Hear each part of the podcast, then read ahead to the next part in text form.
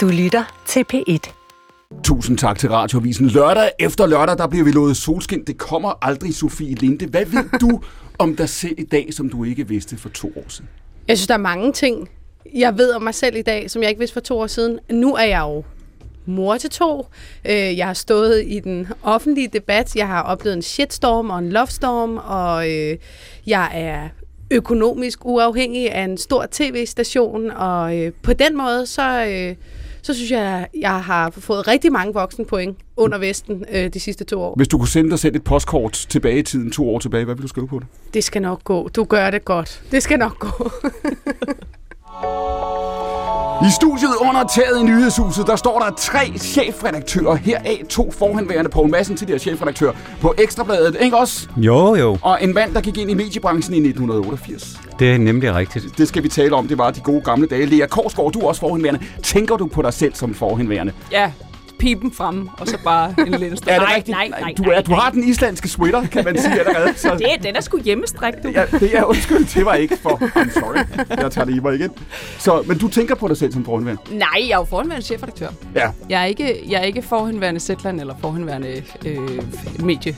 Øh, journalist. Du er bestyrelsesformand nu, nemlig Mikkel Andersen. Han er chefredaktør til gengæld, ikke på kontrast. Du har lige lagt et andet medie, ikke i graven, men på efterløn Rokokoposten, Mikkel. Ja. Det har I sendt på Arne Pension i virkeligheden, kan man Det sige. har vi, ikke? det har vi, det har vi. En, øh, en slags aftekstposition, ja. Efter mange års hårdt fysisk arbejde. I, 11 i- år Ja. i satireminerne, det har været super barst. Er det blevet sværere at lave satire?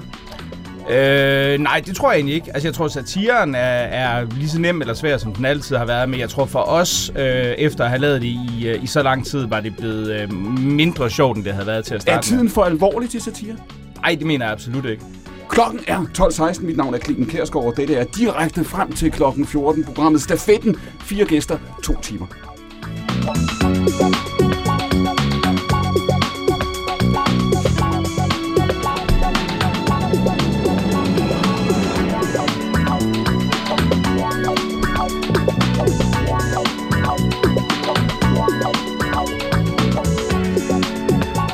Stiller lørdag efter lørdag de vigtigste spørgsmål, vi kan finde, og du kan stille dit spørgsmål, send det til os på 1212 som en sms. Husk at starte med at skrive P1 mellemrum, Poul Madsen. Jeg sagde før, at din mediekarriere startede i 88. Det var et historisk år. Det var året, hvor TV2 gik i luften. Der Og det var der, jeg var. Og det var der, du var. Hvordan tegnede fremtiden dengang, når man var nyansat journalist? Jamen, den tegnede jo lys og god. Øh, alt var godt. Der var masser af penge. Øh, der var øh, en tro på, at der ikke var ret meget, der forandrede sig. Øh, at øh, det kunne bare fortsætte, og vi kom her og smadrede Danmarks Radio på TV2. Gjorde vi så ikke lige i starten, men øh, det kom vi så til. Det kom I til. Og når man ser tilbage på den periode, det galt jo TV2, som var for dem, der ikke skulle vide det, et altså kolossalt altså monopolbrud. Man tænkte, nu, nu skifter tingene. Samtidig havde man en situation, hvor dagbladene tjente penge, de gik godt. Ekstrabladet og BT havde udvidet op igennem 80'erne. De var begyndt at udkomme i farver om søndagen. Det var en stor ting. Billedbladet gik godt. Øh, øh, se og hør gik godt. Det ser ud, når man ser tilbage på det nu, ser det ud som om, at der var en, en form for fest der som varede i, i 15 år. Og når konkurrencen kom, de udenlandske stationer kom, I klarede det hele? Ja, altså du kan jo sige, det der jo i virkeligheden, som folk jo ikke så, det var jo, at øh, netop der TV2 kom, var jo i virkeligheden øh, det sidste farvel til den tid, der havde været. Mm. Fordi TV2 kom jo med en dagsorden, som øh, ville lave de samme ting, som øh, Ekstrabladet BT havde haft monopol på, øh, sport, kriminalstof, og øh, begyndte at lave, Danmark, det var alt for, Danmarks Radio var alt for fine til, at man ville lave den slags. Ja, det er vi ikke længere. Øh, men det er I ikke længere. Nej. Og øh, det var jo i virkeligheden startskud til øh, den tid, som vi, vi øh, lever i nu, som er, at øh, medierne og udviklingen er kommet på speed, og den er eksponentiel, altså den vokser og vokser og vokser, og der bliver ved med at være nye udfordringer hele tiden.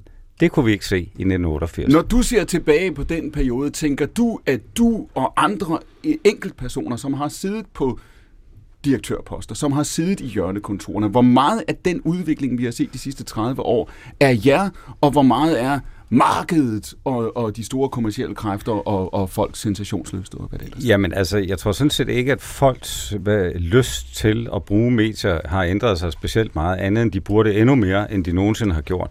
Det der er hele forskellen er jo selvfølgelig, at der er kommet nogle nye spillere på banen, som fylder ekstremt meget.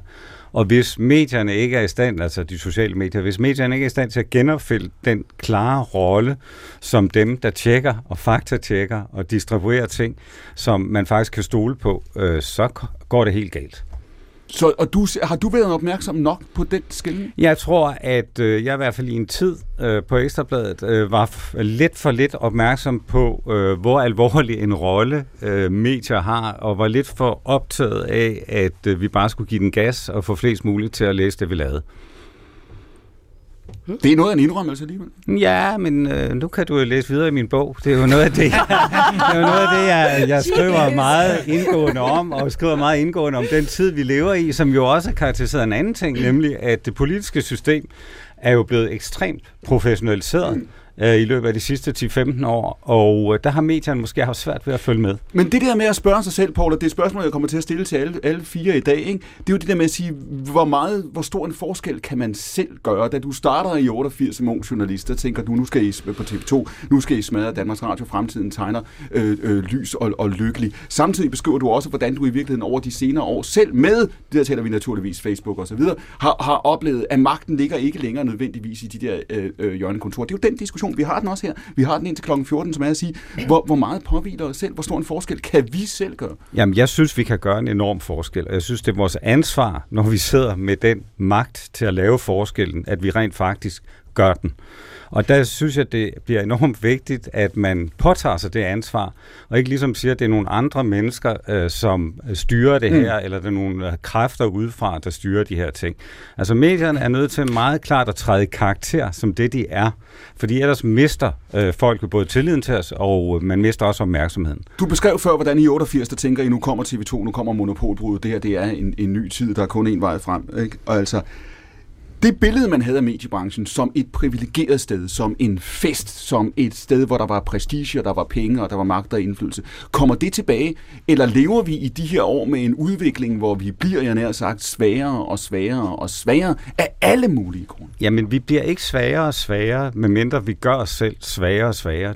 Der er en anden tendens i øjeblikket, som jeg synes er fantastisk. Det er jo en lang række nye medier, som opstår, som faktisk påtager sig den rolle, som de traditionelle spillere ikke helt øh, påtager sig. Og så synes jeg, at der hvor man ligesom hele tiden skal tænke tilbage og sige, også når man er mediechef, at sige, jamen jeg kan godt påvirke det, jeg kan godt gøre mere for for eksempel folk i Jylland føler sig hørt, også mm. i de landstækkende medier. Det var det TV2 gjorde i 1988, det var at sige, at vi dækker hele Danmark, og vi sørger for, at hele Danmark kan genkende sig selv i det mediebillede der har man stadigvæk en opgave, og det kan ikke nytte noget, at man ligesom giver op og siger, jamen det kan vi ikke. Mm.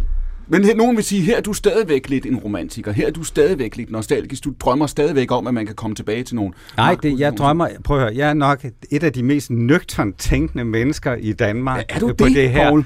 Ja, fordi jeg har jo siddet i en virkelighed, som var, hvis jeg ikke gjorde noget ja. på Ekstrabladet, så ville man udslette noget, som ellers havde eksisteret i over 100 år. Altså, så ville det bare være væk. Så medmindre man ligesom kastede alt væk og sagde, prøv at høre, hvis folk ikke gider læse papiraviser, så må vi jo gøre noget andet øh, for at få dem til at læse det, vi laver. Fordi det vigtigste som øh, mediepublicist er jo for pokker at få folk til at interessere sig for det, men, man laver, og ikke måden, man gør det på. Men du siger før, der kommer også, der kommer også et tidspunkt i dit eget arbejdsliv der for nogle år siden, hvor du siger, I har simpelthen været for opmærksom på det, på kliks, på at give den gas, og der er noget andet, I har glemt. Ja, altså... Hvad, ud, hvad udløste det? Jamen, det, det udløser jo, hvis man ikke stopper op, og nogen stopper op nu og siger, okay, hvad er det så, vores vigtigste berettigelse er i det her?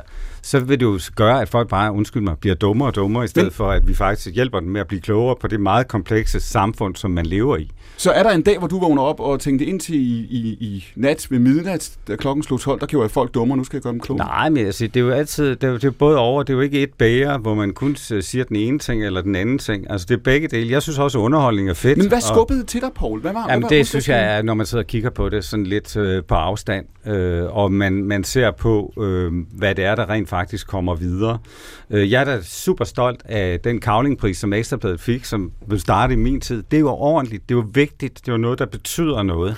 Og så vil jeg da gerne give folk lidt underholdning ved siden af, og lidt sport og så videre. Men det er vigtigt, at man stadigvæk har de vigtige sager, som ændrer det samfund, vi lever i. Sofie Linde, hvornår tænkte du første gang mediebranchen, der vil jeg gerne Jamen, det, det har jeg jo egentlig aldrig rigtig tænkt. Altså, mediebranchen var en appelsin, der havnede i min turban ved et totalt tilfælde. Jeg har altid troet, jeg skulle være læge. Øhm, og de første mange ansættelser, jeg havde på Danmarks Radio, var øh, frem til sommer, så jeg kunne få en studiestart. Og så på et tidspunkt havde jeg en producer, der sagde, prøv altså, skal vi ikke bare lave en fastansættelse af dig, fordi nu har du ævlet om det her i fire år. Du er her jo stadigvæk, og jeg er glad for, at jeg landede her, for jeg er glad for at være en del af mediebranchen, og have været en del af mediebranchen. Når, når Paul beskriver før og siger, at man altså i 88, der tænker man, gud, altså der, der sker noget her, Ja. ikke? Nu kommer den her store, nu det, altså, vi skal væk fra det her, altså DDR med Donkiosker, ikke? Det var lidt Danmark i 80'erne, ikke? Nu, nu kommer der en ny. Har du nogensinde haft det billede? Har du nogensinde tænkt, hold kæft, hvor fremtiden tegner? Altså, spændende? nu blev jeg jo født i 89, Ja. Da TV2 havde fået sit første punch af DR og øh, murens fald og alle de der ting. Øh, men nej, jeg har aldrig haft det sådan. Jeg har altid haft en opfattelse af, at mediebranchen har været en basgang bagud. Hvordan? Øh, jamen bare, altså... I virkeligheden er din afsked med Ekstrabladet måske sådan et, et meget godt billede på, hvordan jeg ser mediebranchen. Altså, vi er et sindssygt... Øh, nu kigger jeg på Paul, når jeg siger du. Øh, hvad hedder det? Vi er et sindssygt... Øh, magtfuld spiller i det danske samfund. Det er os, der definerer, hvad er det, der bliver snakket om rundt omkring i stuerne. Hvad er en folkestemning? Hvad er det, vi skal tale om? Hvad, hvordan sorterer vi de her nyheder, øh, som vi giver videre til danskerne? Øhm, men i ledelsen har der altid siddet seriøst gamle mennesker, Øh, og det har gjort, at det har været rigtig, rigtig svært at følge med folkestemningen. Vi har ikke udviklet os i samme takt som folkestemningen og øh, tidsånden, og, øh, og i, også i forhold til sociale medier. Da de kom på banen, var det også sådan, der opdagede Danmarks Radio, hvor jeg var, Instagram, øh, mange år for sent, lad mig sige det sådan, og, og, og hvor magt, altså havde totalt siger- undervurderet, hvad det var. Nej, men det jeg vil sige i forhold til, at Paul Madsen afsked med Ekstrabladet er et rigtig godt eksempel på, hvordan mediebranchen fungerer, og hvorfor det er for gammeldags, og hvorfor vi ikke rykker os rigtigt. Da du siger farvel, så, så tænker man, nå, farvel til den æra. Med al respekt, Ja, men nu skal der ske noget nyt. Christoffer Pernille kommer ind. Ej, det bliver spændende det her. Nå, men de så kun afløser, indtil der kommer en, en anden Paul Madsen-kopi ja. ind. Og, og det er lidt det, der tit sker, at vi erstatter de øverste led med folk, der ligner dem, der sad der før. Øh, og det kræver ligesom et oprør nedefra, hvis der skal ske noget nyt. Men den øverste masse i mediebranchen forbliver de samme. De venner på kryds og tværs. Nogen har været gift. Øh, altså, I er til hinandens barnedåb og bryllupper og alt muligt andet. Og det, og, det, og det synes jeg bare er til skade for, at mediebranchen rykker sig i det tempo, man burde gøre. Poul Madsen? Jamen, ja, prøv at høre, Sofie. Jeg er sådan set enig med dig. Ja. Fuldstændig. Ja. Jeg havde da også i den grad regnet med, at når jeg nu steppede ned Ja. af stolen, Mm. Skulle så var det, havde jeg to fantastiske afløsere. Øhm, Det kan godt være, at de skulle have haft øh, måske en hjælpende hånd øh, til at kunne udføre det her et par år mere. Jeg havde da ikke forestillet mig, at Ekstrabladet ligesom drømte om at komme tilbage i tiden. Nej. For det er jo det, man gør. Mm. Altså man, jeg, man drømmer jo om på en eller anden måde, at den tid, som er forsvundet for, i mine øjne for 25 år siden, at den kan genopleves. Ja, men hvor Altså- lang tid sad du der, Poul? Jeg sad der ufattelig længe. Det er også jeg det. Havde, Så der er, jeg der, havde der er også, jeg har Jamen, også prøv lyst det ikke til, altid, at det der er ikke sidder altid, nogen, der nej, siger... det er ikke altid dårligt, at nogle mennesker sidder der længe. Fordi jeg var bestemt en bedre chef de sidste øh, 3-4 år, end jeg var de første 3-4 år. Fordi når du har en erfaring i, hvad der er, der foregår, så kan du også bedre se, hvad der er forkert, end du kan i starten, hvor du bare tordner dig af. Men det er ikke sikkert, at de kommende generationer bare vil tordne af. Jeg synes, det er helt vildt. Jeg synes, når jeg kigger rundt, så mangler jeg... Jeg har i mediebranchen mødt meget få mennesker, der har sagt, tak for tilbuddet om den her chefstilling. Det er faktisk ikke mig, I skal spørge om det, fordi jeg er ikke det bedste fit i en lederrolle. Det er meget, meget få mennesker, der tager sig tid til at tænke sig sådan om. I mediebranchen fungerer det jo sådan, det tror jeg ikke, der er ret mange, der ved. Men der, der går chefstillinger lidt på tur. Altså, der, der får du, fordi nu har du været her længe, det, ved du hvad, redaks, du kan være redaktionsleder. Kunne det ikke være grineren at prøve det? Nu har du været her i seks år.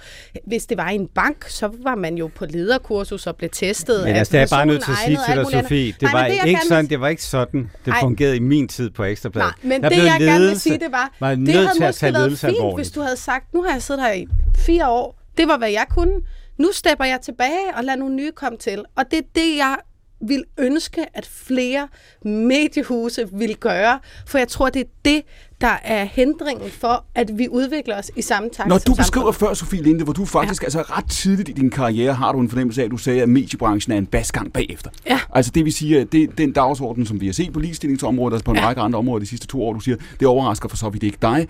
Du har set, at der var den her form for afkobling. Går man ind og læser listen over de mest besøgte websites i landet, ikke? Ja. hvem er det, der virkelig trækker Jamen, brugere? nu, jamen, Altså, altså, jamen, jeg- jeg- jamen, for eksempel da internettet, sådan, da, men- da, da netaviserne kom, så Ja. sidder DR her, og så siger de, okay, nu, nu prøver de det på Men- Ekstrabladet og BT.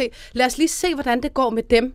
Og så først, åh, det går rigtig godt derovre. Nu begynder vi at tænke i, hvordan kan vi formidle medier på internettet? Men de Ja, mest- eller måske endnu vigtigere, mens det der sker, så over på papirvissiden, Ja, Øh, siger man, lad os kaste os ud i en, en papirviskrig, en, Ja. ja. en, en gratisaviskrig, Ja. ja. mens nettet bare buller afsted, Ja, ja, ja. ja. Og, øh, og ting sker Jeg derovre. holder, som- jeg holder lige fast her, fordi de ambitioner, man kan have, det var Lea Korsgaard, der sagde det her, de ambitioner, man kan have for det her, at sige, at vi skal gøre det anderledes, der skal sættes andre dagsordner osv.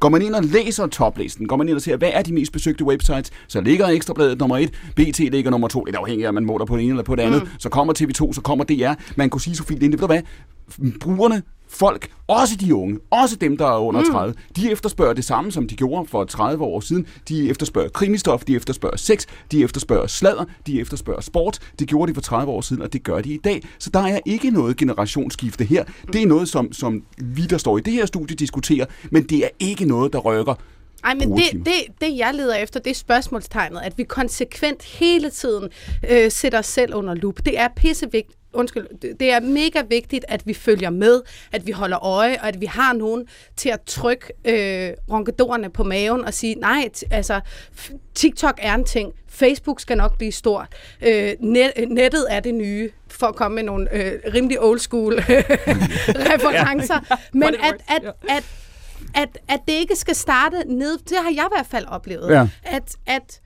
forespørgslerne fra de nye, fra de nye bølger, øh, sådan rent teknisk, hvor skal vi lægge nogle penge, hvad, hvad er det, der sker, det kommer altid nedefra. Så er der nogle praktikanter, der i to år har sagt, prøv at vi skal lige prøve at kigge på Facebook eller de sociale medier, fordi det, det er der altså rigtig mange, der er på. Og så er der siddet nogen, ej, det er ikke for Danmarks Radio, eller Du, det er du ikke... sagde i det første minut af programmet her, der siger du, du har været igennem de sidste to år her, en, både en, en love storm og en shitstorm og Ja. det hele. Ikke? Ja. Er det rigtigt at sige, at det du beskriver her, der siger du, når man der er på en eller anden måde et, et før og et efter, altså at vi står i en række af de her diskussioner, i diskussioner om, hvem der Ja, ja, bestemmer, hvem der sidder i hjørnekontorene, men også i, hvad er smalt, og hvad er bredt, og Altså, hvad er... altså, hvis du havde talt med mine tidligere chefer her på Danmarks Radio, også min nuværende chefer på TV2, så ja. er det en sang, den sang, jeg står og prædiker nu, har jeg prædiket altid. Jeg har altid efterspurgt, at chefer var bedre til at diskvalificere sig selv og gå af før tid, før de blev bedt om det, slet og ret. Ikke? Altså, og det har jeg altid sagt, fordi jeg synes, det er en hemsko for mediebranchen. Men det er klart, der er et før og et efter, særligt for mig. Altså, Paul Madsen sad også i, øh, i øh, øh, øh, hvad hedder det, presselogen på TV2 og sagde, at sexisme ikke fandtes. Det var en anden tid, hvis man skal Nej, blive i det de var år. en, fejltagelse.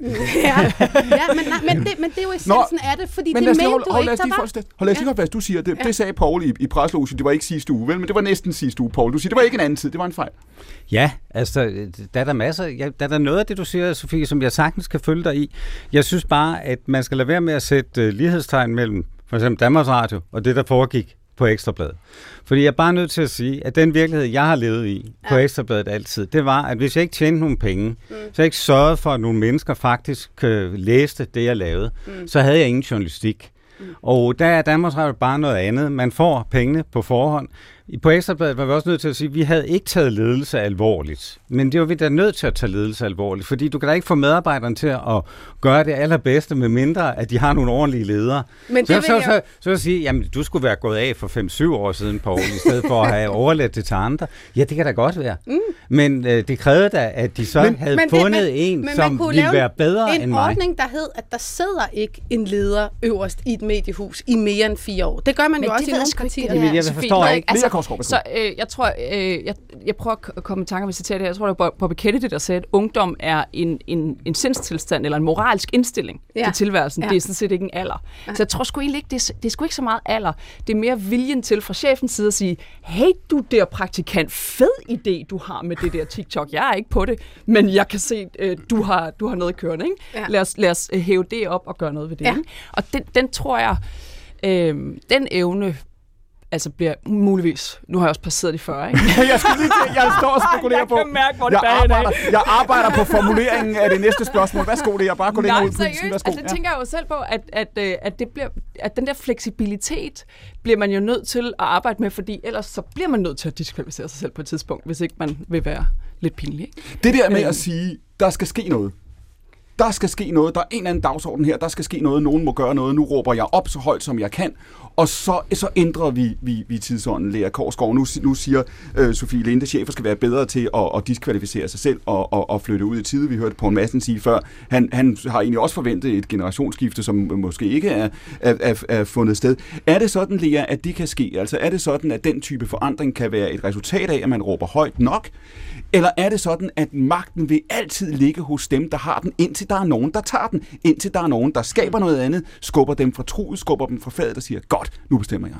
Det tror jeg sgu ikke. Altså, jeg, jeg tror, jeg faktisk tror jeg, vi har muligheden for i den tid, vi er i lige nu, at bevæge os ind i et andet en anden logik, en anden paradigme, når det kommer til lederskab og når det kommer til at bygge organisationer. Vi kommer bare stadigvæk ind i vores hoveder fra sådan en fabrikstankegang. Mm. Der sidder en chef allerøverst og kigger ned på sine arbejdere, der står ved samlebåndet og, øh, og, og losser et eller andet øh, produkt ud til, til masserne. Det, det sted, og, og, og chefen bestemmer alt øh, og, og har, mener man noget nede på gulvet, så skal det gå op gennem en, en række af, mm. af et langt hierarki. Det er ligesom stadigvæk den måde, vores kultur, vores forestilling om, hvad det vil sige at, at arbejde mm. og være en organisation, og sådan set også lede, øh, kommer af. Og der tror jeg bare, lige nu der er ved at ske noget. Jeg, jeg tror, at den der pyramide øh, er ved, og, eller har i hvert fald potentiale til at blive brugt ind i vores hoveder, og ligne lidt mere sådan en øh, havorganisme, Og det eller sådan noget, hvor, hvor, der, hvor der er kortere fra top til bund, og hvor mm. øh, chefen sagtens kan tage fejl 10.000 gange om dagen, uden at det bringer vedkommende i, i, i en pinlig tilstand. For 5-6-7 år siden, der lignede Zetland ikke den store knusende succes, ikke? Nej, ja. Der var fortællinger om, at det her, det kunne ikke blive ved med at gå. At I havde været øh, overmodige i at sige, at folk vil have noget andet. Det måtte lukke på et tidspunkt, og så ville I komme krybende tilbage Ja. til Der er stadigvæk, hvis man søger på Zetland, så er der stadigvæk hit nummer to. Det er Lasse Jensens kronik i BT. Information, der skriver, pengene fosser ud af Zetland. Og så ville, I komme, så ville I komme krybende tilbage til de etablerede kontorer, ikke? og så kunne du komme og spørge, om du kunne få Poul Madsens øh, hjørnekontor. Ikke? Ja. Øh, sådan er det jo så ikke helt gået. Der er alligevel, og du bliver mødt stadigvæk med det spørgsmål, er at sige, jamen altså, det kan godt være, at det går bedre for jer, end det gjorde før. Det kan godt være, at Mikkel Andersen, der står ved siden af dig, har læser på kontrast. Det kan godt være, at Paul har lyttet til sin øh, podcast osv. Men det er stadigvæk sådan, at der, hvor folk sidder, det er foran badehotellet, det er foran ekstra X-Factor, det er foran øh, BT, og det er foran øh, øh, Ekstrabladet. Så vi lever stadigvæk i det samme univers, vi altid har gjort, nemlig der er en, altså en centrifuge af stof og meningsdannelse, som er mainstream, den fylder næsten alt, og så sidder alle, der står i det her studie, øh, øh, med undtagelse af Sofie, i virkeligheden på nogle klippeafsatser, hvor vi sidder yderligt. Øh, jeg tror, jeg elsker øh, både Badehotellet og X-Factor, så jeg er en af dem, der sidder der troligt øh, og søndag og, og fredag og har... Du elsker en- du badehotel? Er du sindssyg, mand? Under corona, jeg blev øh, trummetyk, fordi jeg bare sad og drak portvin og så, øh, så alle otte sæsoner af Badehotellet. Anyway, det er en anden historie. Ja, jeg elsker Badehotellet. Skam mig ikke over det. Øhm, jeg tror, der er brug for de der gigantscener, hvor vi alle sammen... Arenaen, hvor vi alle sammen mødes. Øh, Sofie er for mig sådan øh, vært inde i vores allesammens forsamlingshus, når hun, når hun øh, åbner på skærmen fredag aften. Og der er brug for de der forsamlingshuser. Der er også brug for Zetland. Vi er ikke nogen lille prut længere. Vi, vi er et mellemstort medie, der er på vej til at blive rigtig stort. Vi vokser 40 procent om året. Det er helt insane. Det er vildt. Øh, så vi, vi, vi, det, det er bare en anden form for forretningsmodel, og en anden øh, måde at bedrive medie på, Tænker end det du- klassiske. tænker og så må jeg lige indskyde, så, så de, vi har brug for de store arena, vi har brug for sådan nogen som os, Mikkel, der kommer og viser, der er andre måder at gøre det på. Og så må vi heller ikke glemme, der er jo, der er jo en ny magtbastion bastion derude, som er øh, folk, der bare har en telefon i lommen. Mm. Ja. Og som er giga på Instagram. I Sofie, du er virkelig også et godt eksempel på det igen. Øhm, og som, altså en hver med en telefon i lommen er i dag potentielt sit eget massemedie. Du startede med at sige før, Sofie, faktisk i de første minutter af programmet, du sagde, at du ser dig selv som uafhængig i dag, ikke? Ja. Uafhængig af de store. Ja. Er det sådan, du tænker på dig selv? Det har i hvert fald været vigtigt for mig.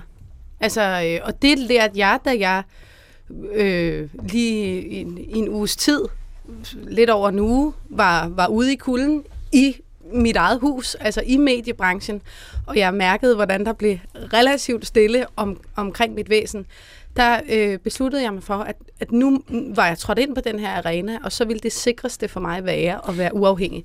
Og så tog jeg netop telefonen op ja. af lommen.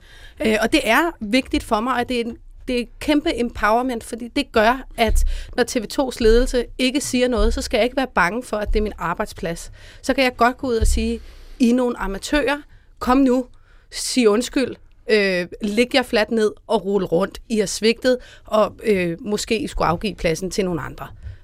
Du, Hvad- tal, hvad du, tænker taler, du? om, du må taler om dagen, jeg skal høre, du taler om dagene efter, døgnet Ja. efter Ja. Sula Awards. Det var i hvert fald vigtigt for mig der. Jeg tror, nogen har, oplever jo noget på et tidspunkt, hvor man tænker, huh, det var tæt på. Gulvtæppet blev revet væk under mig der, ikke? Så før, så før Lovefesten og, og mm. sagt, shitfesten, ja. der er nogle dage der, der er nogle døgn, hvor ja. du føler, at du står helt alene. Op til vi mødes i debatten, der øh, føler jeg mig arbejdsvejs relativt udstødt. Hvad lærte du af de dage? Øh, jamen, at øh, jeg lærte jo meget om den offentlige debat i virkeligheden. Altså, jeg brugte meget tid på at tænke over, hvad det vil sige at være politiker, hvor mange mennesker vi potentielt taber øh, i den offentlige debat, øh, hvor hårdt det er at have en holdning offentligt. Og så blev jeg jo altså kernefeminist 100 procent øh, i de dage også.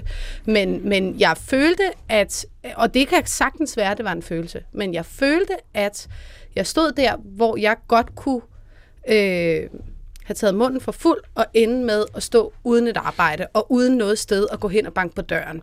Øh, ja, det gør jeg. Vil det sige, at det vigtigste øjeblik i virkeligheden i den fortælling er ikke, da du går på scenen til Solo Awards, og hvad du siger der, beslutningen om at gøre det. Den vigtigste beslutning, du træffer, den vigtigste oplevelse for dig, er i de følgende dage. Det, det er, da vi to mødes. Det er der, debatten ændrer sig for mig. Altså, det er der, det begynder at vende. Da jeg møder... Øh, der, altså, man kan jo fortæller, jeg, jeg har jo fortalt det før, men på vej i bilen ud til debatten, måske du husker det, men jeg kom for sent. Og det var, fordi jeg sad og græd øh, i bilen og tænkte, nu gider jeg ikke mere, og jeg havde aftalt med min manager, at nu, øh, nu fyldte det for meget. Jeg var gravid, og jeg havde faktisk også en lille datter, og nu havde jeg siddet øh, i ni dage og grædt hjemme på min sofa, jeg gad ikke mere. Og jeg blev ved med at blive fejlciteret, jeg blev ved med at køre øh, personlige vinkler, og det blev, øh, der var heksejagt efter at finde den store mediekanon. Jeg kunne, jeg kunne ikke, der var ikke nogen, der hjalp mig med at tage elevatoren op. Sådan følte jeg det. Og, og vi bliver så enige om, for vi har jo lagt en strategi i det her også, at nu giver vi op, nu går jeg ind, og så gør jeg det her, og så går vi hjem, og så lukker vi fuldstændig ned. Og så må vi finde ud af, hvordan jeg kan bygge mig selv op efter det her. Det var planen. Men så går jeg jo ind, møder Pia Kærsgaard. Øh, det var jeg heller ikke 100% klar over, at jeg skulle.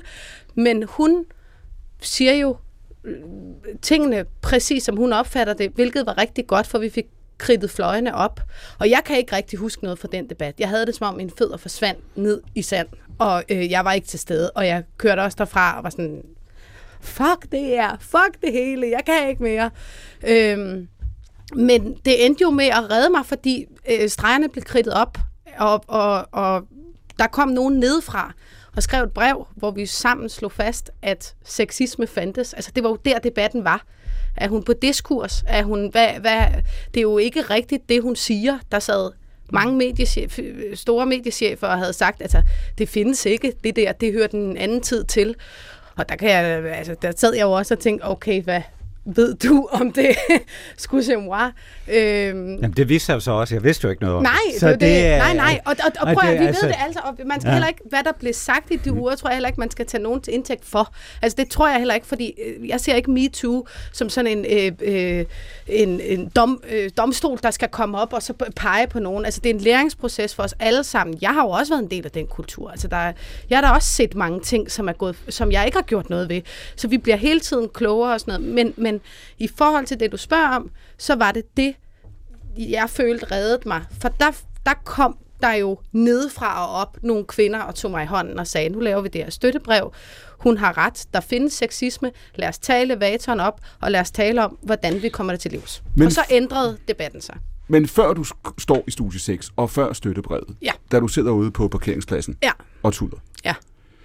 du sagde før, i de døgn, der blev du hardcore feminist. Ja, det gjorde jeg. Hvad lærte du der? Jamen, der oplevede jeg jo altså, øh, kvindehad på tætteste øh, hånd. Altså, jeg har fået dødstrusler, jeg er blevet spyttet på to gange. Øh, jeg har fået øh, ubehagelige post i min postkasse. Øh, bare sådan almen tilsvinelser. Og, og, og jeg, jeg havde det sådan, jeg kan huske, jeg tænkte, vi må tabe så mange stemmer. Altså, det må være mm. svært at finde mm. nogen, øh, øh, øh, der kan bakke ting op, øh, give nuancer til debatten, hvis det skal koste så meget at være en del af den. Og det, jeg har jo været fri for den slags mm. nyhedsjournalistik øh, øh, og de problematikker førhen. Jeg er jo bare altså, en menig klovn i den forstand, at, at jeg... Øh, jeg laver X-Factor, og jeg laver underholdningsprogrammer. Øh, jeg er en underholdningspersonlighed. Øh, Men pludselig havnede jeg i en helt ny arena, øh, en verden af nye farver, og opdagede, at det ikke er på nogen som helst måde konsekvensfrit at være en del af den offentlige debat. Ja, hvem gider være politiker? Hvis Ærligt, det der, er sådan, det, der havde jeg det. dig? sådan ja. havde jeg det. Ja. Ja. At der fandtes politikere, det var helt vildt. Så det var den følelse, jeg havde. Nu sagde, nu sagde Lea før, at når du tænder for, for X-Factor fredag aften, så tænker du, at Sofie er, du sagde, hun er, hun er vært i forsamlingshuset. Ja, jamen det er sjovt. Ja, da, da, da jeg sagde til min søn i går aftes, at vi øh, skulle ind her, blandt andet med Sofie, øh, og så sagde han noget sjovt. Han er 10 år, ikke? Så sagde han noget sjovt. Så sagde han, det er sjovt, at Sofie Linde, som er øh, den kærligste i Danmark, sagde han. Det var ligesom hans udtryk. Men det var meget fint sagt, for det var, det var dit, det er, Ja. var dit branding, hjertelighed, en person, ikke? Det er sjovt, at Sofie Linde, der er den kærligste i Danmark, lavede MeToo, siger han så, ikke? Og, det, og jeg har spekuleret sådan over, har du tænkt over, mm, hvad fanden er spørgsmålet her? Hvad, for det første, det var jo det brand, eller den kærlighed, du var ude og Ja. risikere her, ikke? Og har du også tænkt over, hvad det gjorde, at det netop var den stemme, der kom og sagde, Nej, drenge? nej. Altså, jeg, jeg vil, og jeg vil våge at påstå, havde jeg vidst, hvad jeg gik ind til, havde jeg ikke gjort det. Nej, okay. Det havde, jeg, det havde jeg ikke. Jeg synes, Hvad tænkte du så inden? Øh, jamen, jeg var stolt af at være på den scene. Jeg synes, det lå lige til højre skøjten, at jeg skulle tale om feminisme. Der havde ikke været en kvindelig vært. Altså, øh, mere, jeg var den anden kvindelige vært på 14 år. Altså, øh, jeg synes, den lå lige til højre skøjten. Jeg kunne, ikke, jeg kunne ikke se, at jeg sagde noget, der var kontroversielt. Og den lille pige inde i mig havde haft lyst til at sige den sidste sætning. Altid. Okay. Så det var altså noget af det første, jeg sagde, det var de sidste, den sidste linje. Den vil jeg have lov til at sige. Øh, Som lød. du ved godt selv, hvem du er. Mm. Ikke? Ja. Øh, og det, det, det, det, det vidste jeg lige fra start. Men at jeg sagde noget, der ville vise sig at være så kontroversielt, det havde jeg ingen idé om. Hvorfor ikke egentlig? Jamen, altså, fordi du, vi kom at- jo alt for sent i gang her i Danmark. Du mm. kunne jo se det for de ja, andre lande. Ja, men jeg, det ved jeg ikke. Jeg havde ikke forudset det. Altså, vi var også på en redaktion. Den tale har stået i et manus. Der er kanalchefer, redaktører, øh, øverste ledelse, der har haft adgang til den. Og der var ingen af os, der så det komme.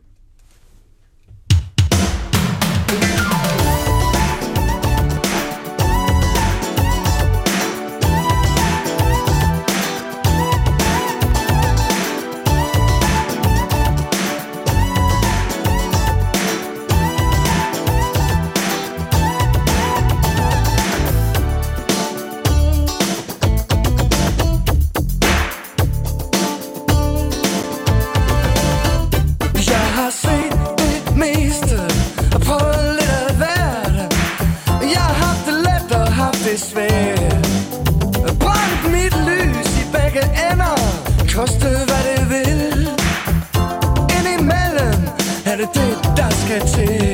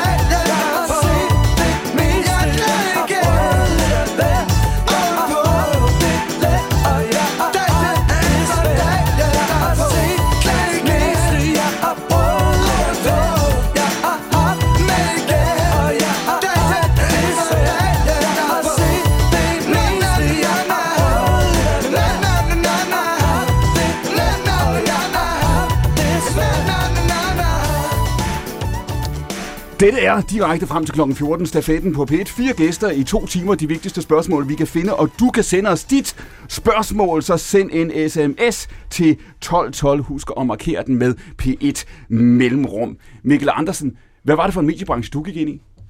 Altså, det var jo en, som var, som var noget mere krisepræget. Øh, altså, jeg var færdiguddannet som øh, kandidat i journalistik øh, 2010 eller 11 deromkring. Øh, Og jeg, jeg har altid haft den der fornemmelse i første afsnit af The Sopranos, der siger Tony sådan, uh, I have this feeling that I got in after the best was, was over. og, og, og, og det er jo altid, det er jo altid den fornemmelse, man sidder med. Ikke? Jeg kan huske, jeg hørte sådan en, en anekdote fra Var Ekstrabladet. det, var det, må jeg spørge, var det det samme, du tænkte, du, det- da du opdagede, at du var borgerlig? ja, well, jeg vil sige, der er visse lighedspunkter der, ikke? Men, øh, men absolut. Altså, jeg kan huske, jeg hørte sådan en historie på et tidspunkt om Ekstrabladet, jeg ved ikke, om den er rigtig, men at der var en eller anden journalist, som på et tidspunkt, hvor der var nogen, der gemte vedkommende sådan øh, skrivekuglen fra en skrivemaskine, og han opdager det faktisk først 14 dage efter, fordi kravene til at få produceret var så meget lavere den her gang i 70'erne eller 80'erne. Og jeg sad og tænkte, det er ikke sådan, det, er, det fungerer som, som Må vi lige, det må vi lige 2011. faktatjekke med Poul Ja, Madsen. det, altså, jeg, jeg var kommet først til Ekstrabladet efter skrivekuglerne, var ja, helt okay. galt væk. Men jeg vil sige, jeg havde nøjagtig samme fornemmelse, da jeg kom til Ekstrabladet. Nemlig altid, at den bedste tid var overstået. Ja. Ja. Når de talte om det her med, at de fløj, når de tog til New York, så gad de sgu ikke at køre ind. Så de fløj ind til Manhattan med helikopter. What? Ja, ikke? Ej. Altså på reportagetur. Så tænkte jeg også bare, okay, det var sgu nok en lidt anden tid. Ja. Har du, til- nu siger Sofie Linde, før du sagde Sofie, du er stadigvæk, der var, der var år i virkeligheden, hvor du tænkte, jeg skal være læge. Ja. Men du har, de øjeblikke har du ikke længere. Nej, nej, jeg, ved, jeg tror også, jeg vil være en dårlig distræt læge. Så øh, lad os ikke gå ned ad det. Hvad tager, har, du, har du den overvejelse, finder du det selv øh, til, på tidspunkter, Mikkel, hvor du tænker, jeg skal, jeg, øh, øh, er det her for alvor? Er det her for, for øh, permanent? Ja, nej, ikke rigtigt. Ikke rigtigt. Altså, jeg havde sådan en, en, en idé om, altså, det er faktisk meget sjovt, jeg blev interviewet i 98 øh, af Jakob Andersen fra Ekstrabladet, i forbindelse med, at jeg tilbageviste holocaust-benægter, men det skal vi vil snakke lidt mere om senere. Ja. Men, øh, men, men der havde... Der, Det er det, der, man kalder, det er det, man kalder en cliffhanger på Præcis, B1. Efter, præcis, det er efter det. radioavisen Så- taler vi holocaust folkedrab. Ja. Men øh, nej, men, men der bliver jeg faktisk spurgt, det var fordi, jeg, jeg, øh, han interesserede sig for, at jeg tilbageviste de her holocaust og så spørger han, hvad vil du så lave i fremtiden? Jeg gik i 3.G på det tidspunkt, og så siger jeg, at jeg vil enten være journalist eller historiker. Det var det, jeg så drømte om. Jeg gik så ind og blev lidt af begge dele, men, men jeg tror, jeg er glad for, at jeg er endt i den, i den journalistiske verden, og ikke i den akademiske verden af, af rigtig mange forskellige grunde. Nu spurgte jeg, nu spurgte du havde de to analyser, ikke, hvor Paul før siger, at han går ind og bliver ansat på TV2 i 88, det er året for monopolbrud, det er ikke fremtiden tegner lys og lykkelig. Det var den jo også. Altså, i virkeligheden kan man sige, den konkurrencesituation og det der med, at annoncekronerne bliver et, og alt, hvad vi diskuterer i dag, og så videre, det er jo noget, der først er slået igennem i virkeligheden. Altså, altså accelererende ikke over de sidste, de, øh, de sidste øh, 10-15 år. Så hørte du Sofie sige før, da hun går ind i branchen, altså langt senere, så har hun fornemmelsen af, at det her det er en branche, som er et, et halvt trin bagud. Hvor ligger du på den, på den øh, skala? Der, der vil jeg, altså jeg er jo nok lidt uenig, ikke? Fordi altså jeg, jeg tror, øhm, altså jeg, jeg tror, der er sådan en overdreven, også indenfra i mediebranchen, sådan en dyrkelse af, at man kan sige, der er sådan, at der er altid de her unge, smarte kids, øh, der er lidt foran, og som er lidt smartere, end vi er. Og det tror jeg egentlig ikke nødvendigvis er dem, man skal indrette sig efter, eller at vi har ret i den analyse. Jeg stod og hørte øh, det, det I nævnte om Ekstrabladet, og det er ikke fordi, jeg, jeg er gammel kollega med, med Christoffer Eriksen, som jeg er fuldstændig enig i er en fantastisk redaktør, og, og meget talentfuld på alle mulige måder. Men, men men jeg kan sagtens se, at en som Henrik Kvartrup, som også er en gammel kollega, apropos det med at være indspist, kan være en, som kan gå ind og videreføre Ekstrabladets DNA rigtig meget, for der findes ikke særlig mange aviser, som har, som taler til det, vi kan kalde bodega, skurvogns, den lille mand, og måske også den lille kvinde, som jeg ved, øh, Kvartrup vil gå ind og lave. Jeg tror, at der er en plads til det her. Jeg tror ikke, vi alle sammen behøver at lave det her, der er det øh, happening, unge, smarte, lidt progressive, lidt venstreorienterede ting, som vi i den sådan øvre middelklasse, øh, uh, der er alle sammen er bosat inden for omkring 10 km fra rådspladsen, Linde? synes er super fedt. Men det er, bestemt, det er bestemt heller ikke det, jeg efterspørger. Altså i den skrivende presse, jeg tror, jeg, jeg har ikke lyst til at have en øh, øh, Vogue øh, øh, øh, kønsnormativ øh, person fra Vesterbro til at sidde i spidsen af et kæmpe blad. Jeg siger bare, at der trænger til generationsskifter. Altså, der trænger til at være mere udskiftning, og at man siger, okay, lad os, lad os for eksempel, det, var, det sjove ved Christoffer Eriksen var jo netop, at der var, og, og Pernille, og sammensætningen af de to var jo, at det var noget helt nyt. Og man tænkte, ej, hvis de får lov til at sidde her og, og, og sætte deres aftryk på, hvad ekstrabladet kan være med kærligheden til det blad, så man bibeholder en DNA, men at man ryster posen Ja, men jeg måske, lidt mere massiv, ja, jeg måske, end man jeg måske, gør jeg, med... jeg nu skal jo sætte den polemisk på spidsen, så kan jeg sige, for det første, tror jeg ikke, ungdom i sig selv er sådan en, en entydig kvalifikation. Det Men jeg også taler ikke om ungdom, jeg nej, taler nej, om men, men jeg vil så, også, jeg vil så også bare sige, at vi har altså at gøre med, igen, jeg respekterer Christoffer Eriksen utrolig meget. Jeg synes, han har lavet nogle fede satire-ting også på DR. Men det er to, to tidligere DR-medarbejdere, der så kommer ud og bliver chefer for et publicistisk medie. Det er altså en historie, som vi har set altså, der, der er ikke specielt meget nyskabende over den. Det er dybest set den samme historie, der går igen og igen og igen og igen i den publicistiske branche. Hvis jeg endelig skulle sige, at der er noget sjovt i det, så kan man da sige, at Henrik Kvartrups øh, CV er der i utrolig mange forskellige henseender. Lidt mere kulørt end, øh, end, end det. Sofie Linde, når du beskriver det, du siger, det, det er vigtigt, altså taler du om et generationsskifte nu, en generation til en anden, eller siger du, generelt sidder folk for længe, hvor de sidder? Jeg synes, de sidder for længe. I mediebranchen synes jeg, vi sidder for længe. Jeg synes, vi for, for, nytænker og fornyer os selv for sjældent. Lea, du ser skeptisk ud. Nej, det er fordi, jeg står og tænker over det med Henrik Kvartrup, altså CV. Men-. Herunder en fængselsdom inden for det fag, han nu er ansat til at skulle, skulle stå mange- i spidsen for. Altså, det, det, mit hoved eksploderer stadigvæk, Men du sidder jo i virkeligheden et sted, ja. det, gør du, det gør du i kraft af den arbejdsplads, du har nu, men det, det gør du også i virkeligheden i din verdensopfattelse, hvor du vil gerne insistere på at sige, du, du køber ikke det her, vel? Du køber ikke, at det er nødvendigvis det brede mod det smalle, de gamle mod de unge. Nej, fordi... Nej, nej, det tror jeg slet ikke på. Det tror jeg slet ikke på. Jeg tror heller ikke, det er Sjælland mod øh, Jylland. Mm-hmm. Eller behøver at være det. Hvem ville vinde, hvis det var? Jylland. Jylland. 4-0. Jeg vil være på det hold. Altså. nej, det, det, det, det, nej, det køber jeg ikke. Øhm, øhm, hvad skal jeg sige til det her andet end, at jeg, jeg, jeg, er, jeg er enig med Sofie, så jeg, jeg er fornyelsen i... Øhm, opfattelsen af, ja. hvad er journalistik? Hvordan indretter vi vores mm. organisationer? Hvilken service er det i sidste ende, vi er her for mm. at tilbyde? Hvordan gør vi det rent teknologisk? Øh, hvordan laver vi fede teknologioplevelser, så folk faktisk har lyst til at bruge vores produkter og ikke hoppe over på Instagram i stedet for? Alt det, det, det, det er der seriøst hvis, brug for. hvis jeg lige skal være djævelens advokat her, eller Mark Zuckerbergs advokat, ikke, der stort set kom ud på det, så kan man sige, jamen, måske er der en, en drejning her, hvor, hvor du og Mikkel, som du har stående på den ene side, Sofie, som du har stående på den anden side, for den skyld, Paul her, at I alle sammen, kan man sige, påtager jer en anden aktivistisk rolle, I alle sammen påtager et andet ansvar, det diskuterede vi med, med Paul for lidt siden, og dybest set siger, vi vil gøre, gerne gøre tingene anderledes, vi vil gerne prøve at påvirke dagsordenen, det er det, Paul gør nu, det er det, som Sofie gør, det er det, som Mikkel gør, det er det, som du gør, lige, og så er der nogen, der vil sige, jamen det er fint, så, så kan vi have nogle aktivister i et land af Danmarks størrelse, der prøver at gøre alt muligt, prøver at flytte dagsordenen, har alle mulige store planer og visioner for, hvor anderledes samfundet skal være. Men pengene, dagsordensætningen, brugerne vil blive trukket op af øh, i dag Facebook, men om et øjeblik af nogle mediekonglomerater, øh, øh, konglomerater, som vi ikke kan beskrive, som vi ikke kan gennemskue, som vi ikke får adresse på. Det er der stemmerne bliver flyttet, det er der penge. Men det er da derfor, vi ikke skal opgive kampen på forhånd. Mm. Altså jeg synes jo sådan, i al ydmyghed, vores eget Zetland-eksempel er eksempel på, at det der ikke behøver at være tilfældet. Øh, for da, da jeg var i den, i den etablerede mediebranche, så sagde man, at unge mennesker gider ikke betale for journalistik. Mm. 50 procent af dem, der betaler for Zetland, er under 35. 30 procent af dem er under 30 år. Altså, de, selvfølgelig gider unge mennesker godt betale for Vi kvalitetsindhold. er i det sidste minut her før radioavisen, Sofie Linde. Du startede med at sige det der med, at du, du tænker på dig selv som, som uafhængig.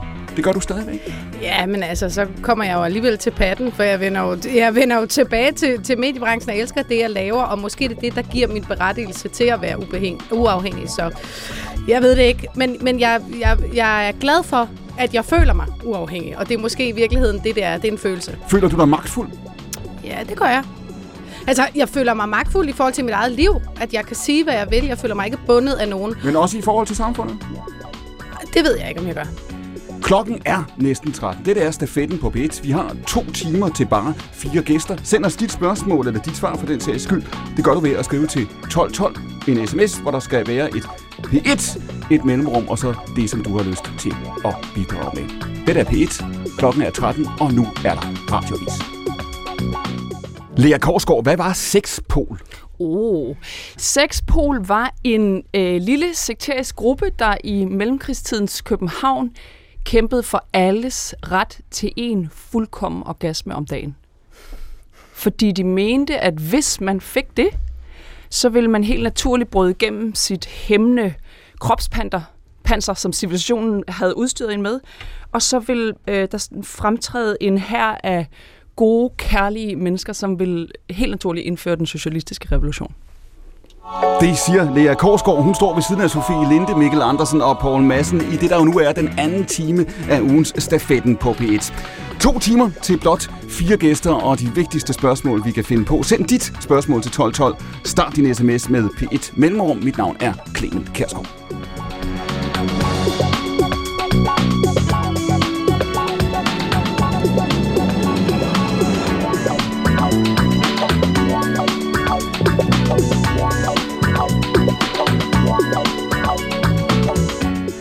Og sexpol, Lea Korsgaard, det kom jo til, til Danmark fra udlandet en herre, der hed Wilhelm Reich. Hvem var han? Wilhelm Reich, han var Freuds første lærling. Ja. Han havde, Freud havde flere første lærlinge gennem tiden. Men, øh, men på et tidspunkt, så var Reich ligesom sådan øh, den, den ypperste øh, Freud-elev. Og øh, vanvittigt godt begavet, boede i Østrig, og øh, øh, radikaliserede Freuds lære om, om øh, det, sexdriften. Øh, og han mente, at der var en energi øh, i os og i hele universet, som var en, altså en sexenergi, øh, som skulle forløses. Og hvis ikke den blev forløst, så, så da, omdannede den sig til en dødsenergi. Og helt konkret var det den sexenergi, der holdt os i live, mente han. Og i øvrigt, som det mente han senere, gjorde øh, atmosfæren blå og øh, den slags. Men, men inden han gik helt ud, så, så mente han simpelthen den her, vi, vi, vi har en, vi, vi, vi er født med en, øh, en lyst til det gode, og den måde, vi træner den lyst på, det er gennem sex. Og, og målet er en fuldendt orgasme Ja, om dagen. en fuldkommen orgasme om dagen. Og det er en orgasme, hvor øh, væggene smelter, du bliver et med den, du elsker med. Du bliver en del af verdensaltet, af kosmos i det øjeblik, det sker. Og Og, en, af, en af dem om dagen, så øh, vil det ikke bare gavne dig og din sundhed, og der er masser af sygdom, du ikke vil få. Det vil også gavne samfundet. Kun én er vi jo så nogen, der vil sige. Men, men hvor, hvor falder du, Selvfølgelig. Lea Korsgaard, hvor falder du over sexpol? Jeg falder over sexpol efter at have grublet en hel del over sex op gennem mine øh, 20'ere, øh, blandt andet fordi jeg havde dyrket en hel del af det selv, øh, og overvejet, hvad er det egentlig for en betydning, det her sex, det har i vores samfund og i, vores liv. Hvordan er det, vi konstruerer vores identitet rundt om det at have lyst. Øh, så fik jeg lyst til at skrive en bog om orgasmens historie. Altså, hvordan har vi set på orgasmen gennem, øh, på, på forskellige måder gennem tiden. Og i den research falder jeg helt tilfældigvis over et speciale, der handler om sexpol. Om den her gruppe, øh, som fik kæmpe betydning, og var en, en, øh, en fortrop for den seksuelle revolution. Og, og vi- historien om dem er aldrig rigtig fortalt, og så blev jeg nødt til at gøre det hen over alt for mange sider, og jeg tror 800 mennesker har læst bogen. Eller sådan noget. Jeg synes, det var vildt fedt. Og nu nærmer vi os, vi nærmer os jo det, der, det er jo det, der er vildt med det, det her, det er jo, altså, det er, det er starten af det 20. århundrede, ikke? Altså, så vi Ja, vi er begynder- mellemkrigstiden, ikke? Altså, Reich kommer til København i 33 efter Og, Hitlers. og den, og den øh, øh, hvad tænker du om det? Altså, hvad tænker du? Fordi da, da du falder over det her, det er i virkeligheden din påstand argument, det er, at du siger, at det, her startede den seksuelle revolution på en eller anden måde, ikke? At de var langt Ja, det forud. gjorde den så alligevel ikke, fordi før dem kom Brandes, før dem kom Agnes Henningsen. Øh, vi, vi står jo alle sammen på skuldrene af nogen. Men det, der var så påfaldende for mig, det er, at jeg havde, og tror jeg også mange af dem, der levede igennem den, øh, den oplevelse af den seksuelle revolution i 60'erne og 70'erne, var der, det hele startede. Mm. Der blev verden ny. Der blev vi i stand til at tænke helt anderledes over øh, seksualitet og, og det at være, øh, hvilken rolle erotik skulle spille i vores liv. Og, for et, og hvilken rolle det havde for et, et frit menneske. Men, men den, der, den der samtale er ældre, og nogen gik forud og var i dag, vi griner lidt af det, det er også en pisse sjov historie, der er så mange kuriositeter ved det, men det var farligt. Det var sindssygt farligt at sige dengang, jeg tror på, at en, et hvert menneske har brug for en, at, at den frie tanke har en sammenhæng med den frie krop. Det var farligt. Da, da fascismen kom til Danmark kort tid efter, der, der måtte de her mennesker nødt til at flygte ud af Danmark. Mm. Det, det, var ikke, det var ikke for sjov overhovedet, og det var en, altså, det var virkelig en, en dristig, modig kamp, de kæmpede. Den der idé om, at samfundet kan blive anderledes, og vi kan blive anderledes. Ja. Vi er skabt til noget større, vi er skabt til noget andet. Der er noget, vi ikke er. Vi er på en eller anden måde ikke ærlige over for os selv, fordi vi er, er underlagt forventninger, magtstrukturer osv. Det var jo, mm. kan man sige, har været en drivende, øh, en drivende tanke i de sidste 200 års historie, ikke også? Mm. Tilbagevendende, så er der nogen, der ser på samfundet nu og siger, det virker som om, at vi lige i de her år oplever to meget, meget modsatrettede tendenser mellem, mellem det- meget konservative, bevarende, nostalgiske, bagstræberiske, sentimentale. Alting skal blive, som det er, som det var. Ej, hvor var det bedre lige før, ikke? Mm. Øh, du talte selv om din, din, øh, din interesse for badehotellet, ikke? Øh, og, og, og før, før, før pausen. Øh, så på den ene side har man det, og på den anden side har vi også det, vi diskuterede i den sidste time, som er et ønske om, at tingene skal blive anderledes. Mm. Ja, ja, der er nogle kæmpe dagsordner, der står, der står kalder på, at, at vi bliver nødt til at leve anderledes, fordi ellers så er vi helt fucked. Jamen det er sjovt, når jeg tænker, nogle gange så tænker jeg på, kan jeg vide, hvad det egentlig var, ud over min, min sådan nysgerrighed på, hvad, hvad det der seksualitet egentlig var for os mennesker, der gjorde, at jeg skrev bogen, eller hvad var det, den gav mig? Og jeg tror, noget af det, den gav mig, det var at opdage det der, at, at spørgsmålet om, gud tænk, det, det, det, det behøver ikke at være på den her måde.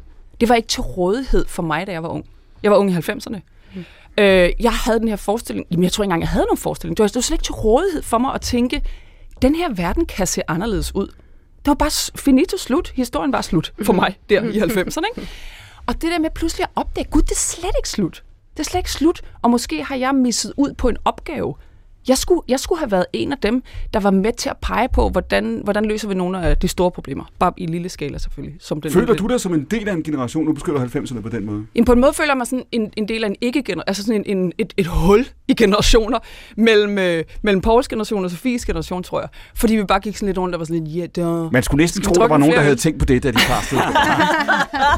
muligvis. Ja, nej, altså sådan en, øh, det, min generationsbevidsthed gik op for mig så sent, at generationen, øh, det var for sent at, at give den en identitet. Sofie Linde, tænker du på dig selv som en del af en generation? Ja, det, ja. men jeg tror også, jeg, jeg føler også, at min generation er et, er, er, er et hul. Sådan, Nej, nej, nej, nej, nej, nej, mm, nej, men, men, Men jeg er jo ikke... generation? Kan vi lige definere? Jamen, hvad er jeg? Jeg er født i 89. Altså, så jeg, jeg er jo vokset op med en... Taylor Swift-generationen. Yes! Hvem, den vil jeg godt stå ved. Det vil jeg vil gerne være Taylor Swift-generationen. Men jeg er jo vokset op, jeg tror, vi blev kaldt Ja, det ved jeg ikke. Men jeg, jeg, mobiltelefonen kom, internettet kom, da jeg var relativt ung. Øh, min mor øh, tog øh, som hendes oprør afstand til øh, de bare bryster og øh, den mm. altså, øh, pædagogiske rundkreds og øh, blev akademiker og... Øh, og øh, ja, altså, så, så det er jeg jo også vokset op med, og vokset op i et hjem, hvor mine forældre gerne, eller ønskede for os, at vi skulle tænke anderledes, mm. i den forstand, at vi boede i en lille bitte by. Min far har altid troet, han har boet i San Francisco, øh, og har sådan, øh, en kæmpe kærlighed til amerikansk kultur, meget romantiseret, of course, men, men, men der har altid været store armbevægelser hjemme hos os, og jeg er blevet fortalt, øh, siden jeg var lille, at du kan det hele. Mm. Du er, der, der er plads til dig. Du kan bare flyve, og vi bakker dig op hele vejen. Øh, så, så, og vi har diskuteret, og vi har skændtes, og øh, vi har fyldt meget. Ikke? Men, men er du ikke. Er, er Men du når ikke, jeg skal se i sammenhæng med ja. de andre, så altså noget af det, når jeg tænker tilbage fra da jeg var ung, så er jeg jo også vokset op i 90'erne med heroin chic øh, og... Øh, og Eurodance til den ene side, og grunge til den anden side, og det hele var så sort. Mm. Øh, og der var ikke der var ikke rigtig noget at gøre. Den følelse havde jeg også. Altså, jeg gik jo altså, direkte fra Spice Girls til Kurt Cobain. Mm. Øh, ja. altså, Men, men var, det ikke, Ja. var, det, ikke den om, var det ikke den omvendte rækkefølge, tænker jeg? jo, Så- men, jo, men jeg skulle lige op, blive stor nok til at opdage dem. På en eller anden Altså- altså, måde, jeg synes bare, du, du, du ligesom aldersmæssigt hører du for mig at se til i den ældste del af den generation, der lige nu har opdaget, at virkeligheden kommer til dem med et mandat øh, om at tage den her verden alvorligt.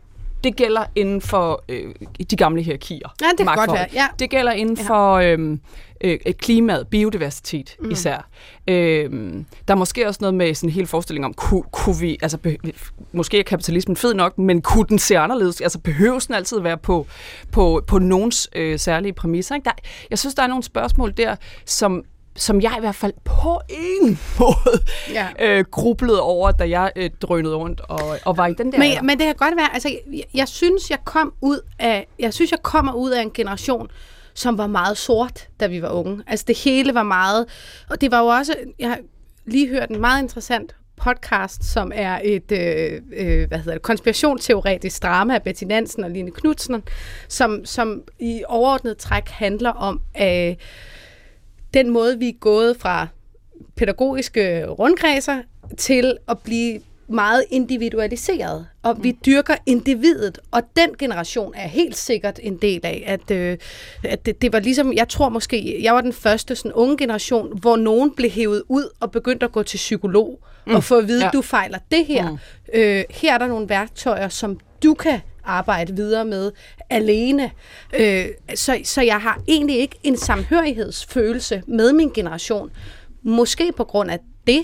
Men lad os Øh, lige, lad os lige men- gribe fat i præcis den der, faktisk. Ja. Ikke? Og tilbage egentlig til det, du talte om i de første minutter, ikke? altså omkring sexpoler, den der tanke om at sige, jamen, altså, øh, øh, vi har, altså, der er noget, vi skal gøre sammen, ikke? Også der er en, vi skal forandre samfundet på en eller anden måde, der skal en revolution til, der skal, der skal en reform til. Man kan jo sige, Sofie, det, det du beskriver før, du siger, du føler også, at din generation er et hul, så siger Lea, nej, det passer ikke. Lea kan få øje på en generation, ikke?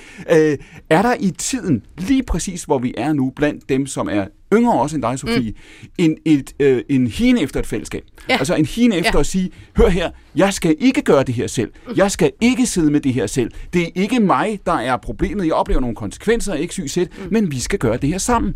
Altså, sådan oplever jeg det i hvert fald. At øh, jeg ser de unge generationer, altså at, at, at fællesskabet hører fremtiden til. Altså på en eller anden mærkelig måde kommer vi lidt tilbage til 70'ernes dogmer. Altså bare lige for at blive i, i rundkredsterminologien. Altså at, vi, at man tog afstand i 80'erne og, og blev mere og mere individualiseret, og, og i min generation i hvert fald, dyrkede vi simpelthen selvet så meget, og måske ud af det mørke, øh, gik det op for os, hvad der var galt. Og så er vi begyndt at råbe, da vi blev voksne. Mm. Øh, men jeg, som jeg ser ungdommen nu, så tager de hinanden i hænderne og skubber til os voksne. Mm. Øh, altså, de er meget mere vi kan kalde det aktivistiske, de er i hvert fald meget mere fast besluttet omkring, hvad de synes er rigtigt og forkert. Noget, noget, jamen, helt, klart. noget, der er sjovt, som i virkeligheden har noget at gøre med det, du sagde før om følelsen af økonomisk uafhængighed. Noget, jeg oplever hos... Jeg bor på en højskole. Min mand er højskoleforstander, mm. så jeg, jeg sidder blandt de der vidunderlige mennesker og æder aftensmad flere gange om ugen. Og noget, jeg synes, der er så påfaldende ved dem, som, som, som jeg bare slet ikke kan genkende fra mig selv, jeg var ung, det var, at de ikke har en forestilling om, at de ligesom skal accepteres af voksendommen, mm. for mm. at kunne få succes i livet, eller for at kunne forandre noget. Altså, jeg sad bare og ventede på, at nogen gav mig en fast løn, og så var jeg ligesom øh, ligesom løftet ind i de hellige haller, ikke? Øh, hvor det ret sent kom til mig, synes jeg alligevel, ligesom, gud, jeg kan bare gøre det selv. Altså, jeg behøves ikke en blåstempling fra nogen, der er ældre end mig i, de, i, den, i, de, i den gamle verden for at, mm. at kunne gøre det, ikke? Og der synes jeg, så det, det er et fællesskab, de leder efter, men det er faktisk også lederskab. Mm. Og de kigger på hinanden for at finde mm. ledere. De kigger nemlig ikke op. Nej, de kigger på Det, hinanden. det er helt, helt, helt anderledes, synes jeg. Men, men, men er, det ikke, altså, er det ikke sådan en evig fortælling, som lige præcis også i den her klasse, vi kommer fra, elsker at fortælle, men som jo en til en er en genopførelse af det, man sagde i 70'erne. Jo, jo. Nu kommer ungdommen, nu vil de noget andet. De vil genskabe verden, og der ligger sådan en rousseausk øh, dyrkelse af, hvad kan man sige, barnets uskyld nedenunder. Her kommer dem, der vil omskabe, omforme verden, i modsætning til os, vi er korrumperet, vi er blevet forlokket af al materialismen og så videre. Men nu vil de, nu, de her mennesker, de rene, de uskyldige. Thunberg per- personificerer det jo næsten perfekt. Og det, og det synes jeg, altså jeg synes bare, altså det er ikke fordi, det kan godt være, det er rigtigt nu, men, men, men jeg har en datter på 19, og når jeg snakker med hendes venner, altså, så, så, altså er de nogen, der alle sammen er søgende efter øh, lederskab og agens på en anden måde? Ja, I don't know, jeg synes egentlig, Men de er sgu Men, meget men, men, som men jeg selv var, dengang jeg var vil 19. historien jo altid gå i ring. Ja. Altså, på den måde vil historien jo altid gå i ring, og det kan være, at de får børn, der ligesom min mor i, fi- altså, efterfølgende tager afstand fra hele det der fællesskabsting. Men jeg synes at spotte en tendens, som når jeg sammenligner med min egen øh, øh, ungdom, at så er fællesskabet altså det, fællesskabet er vigtigere, end jeg har oplevet det nogensinde har været. Altså, et, det kan Men nej, nej, godt det er jo ikke, det er jo ikke altså, de, de sexpolgruppen, jeg skrev om, det var jo også en avantgarde. De, Ja. var jo, de var jo, altså sådan levede alle på deres alder, ikke tilbage i 1920'erne og 30'erne. Det var en avantgarde, men de var æder med, med til at skubbe på noget, der så senere blev øh, øh, Grebet. helt, grebet og, og folkeliggjort. I virkeligheden tror jeg, at den, den seksuelle revolution i 60'erne og 70'erne var en folkeliggørelse af deres avantgarde øh, råb til verden. Men så Og- kan man jo stå her som den gamle i flokken og sige, at øh, det er jo dejligt at Det har, høre. jeg, jeg beklager på, men Det- det har du været længe. Ja, ja, men det har jeg også erkendt for mange år siden, Ja. ja. at øh, jeg selvfølgelig var den gamle, men også fornuftig indimellem. Og det, det er jo sjovt, fordi jeg tilhører en generation, vi har bare forventet, at vi fik flæsket. Yes. Og vi har siddet på det uafbrudt, øh, og vi har heller ikke tænkt os at opgive det endnu, fordi øh, så dumme er vi alligevel ikke, at vi bare ligesom giver det videre uden kamp. Og det synes jeg egentlig i virkeligheden måske er det smukkeste i alt det her, det er, jeg håber, I har ret i, at der faktisk er en ny generation, som vil et fællesskab på en ny måde. Jeg kan godt være lidt bekymret for, at øh, det måske ikke er så stærkt, fordi vil de stærkt nok også den kamp, som vi andre har lært for at nå frem til at få de resultater, øh, som skal til for at lave de her ting om. Ved de det nok til... Men men det er der jo ikke noget de facit stoppe om på. morgenen, eller hvad? Ja, men altså, gider de slås med sådan nogle idioter som mig øh, og andre, som øh, er vant til øh, kampen? Og Som, set, øh, som, at du har lige set, Sofie gå i flæsk Ja, på men, altså... men jamen, jeg siger bare, ved, ved det, jeg synes, det er dejligt. det er dejligt, Sofie går i flæsket på mig. Men vil man det nok? Øh, og der tror jeg bare, at man, hvis man skal opnå noget for alvor, øh, en forandring nu, så er det i virkeligheden, altså vi skal jo ikke overbevise den nye generation om, der skal ske noget. Nej, nej. Mm. Det vi skal overbevise, det er, at øh, den generation, jeg tilhører, at øh, vi faktisk vil afgive magten og bliver tvunget til at afgive men, men, det, magten. men det er jo slet ikke nødvendigt. Det er jo ikke nødvendigt. Prøv at det kommer helt af sig selv. Det er som om, at der er sådan en eller anden eksistenskamp om flæsket. Hvis vi snakker om de højtlønnede poster i Medie Danmark, jamen prøv at befolkningen bliver mindre og mindre i årene fremover. De ældre generationer bliver større. Der kommer, til, der kommer sådan set til at være, ligesom der altid har været, så kommer der til at være en rullende udskiftning. Vi kommer til at import- vi- det, du siger, det er, at vi hvor, kommer hvor, til- hvor Men- der er nogle af de bare- yngre, der kommer til... Nu, nu bliver siger, det min du- generation, der kommer til at rykke ind om måske 10 år, så bliver vi chefredaktør for større medier, og så kommer det samme til Så at du siger, 10 år du siger, der vil være en så påfaldende mangel på talkshow-gæster og underholdningsværter. vi kommer til at importere dem. Det, jeg vil jo, Simpelthen, jeg vil fordi gætte, årgangen ja, bliver sådan. sandsynligvis, Kan man vi skal have forestille et sig, akademi Mikkel, når, når du siger det der før med, at det, det minder dig om 70'erne, der, så kan man sige, jo jo, men nu er det så også, altså nu tæller vi trods, trods alt altså hen over et halvt århundrede her, ikke? Altså det var ikke i går, det kan godt være, at tiden bevæger sig i,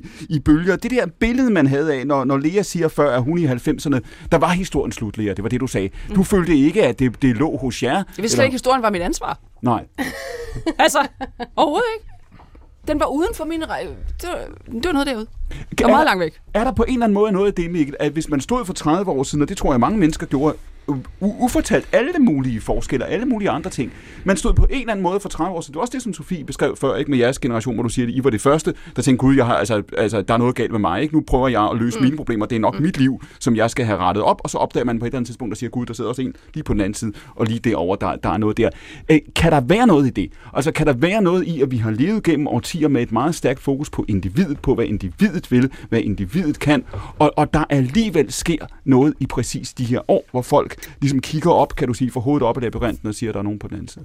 Altså, jeg ved det ikke. Altså, jeg, jeg, jeg synes, jeg har jo sådan moret mig lidt med at sidde og kigge på, hvor tit, øh, øh, hvad det hedder, overskriften Max er tilbage i forskellige varianter, der Ja. dukker op i danske medier. Og det gør den sådan hver tredje Det år. kunne ikke bare Jeg være, kigger- fordi, jeg det kunne ikke bare være, du siger bare noget, det kunne ikke være, fordi du sidder og googler på det hele tiden. Det kunne sagtens tænkes, det kunne sagtens tænkes. Men, men, men så, jeg, vil, jeg vil da anerkende, altså nu er jeg jo selv, jeg er 79, ikke? og jeg er sådan lige mellem generation X og Y, og, og, og, og, og var, en, var meget tidligt på internettet. Og, og, øhm, altså, og, og der vil jeg da sige, at, at den oplevelse, jeg havde som, som særligt som teenager. Jeg var 11 år, øh, 9 år, 10 år i, øh, i 89, ikke, ved murens fald, og så vokser jeg, jeg har sådan mine formative år fra, fra, fra 89 til, til der, lad os sige op til 2001, det virker som et oplagt afslutningspunkt.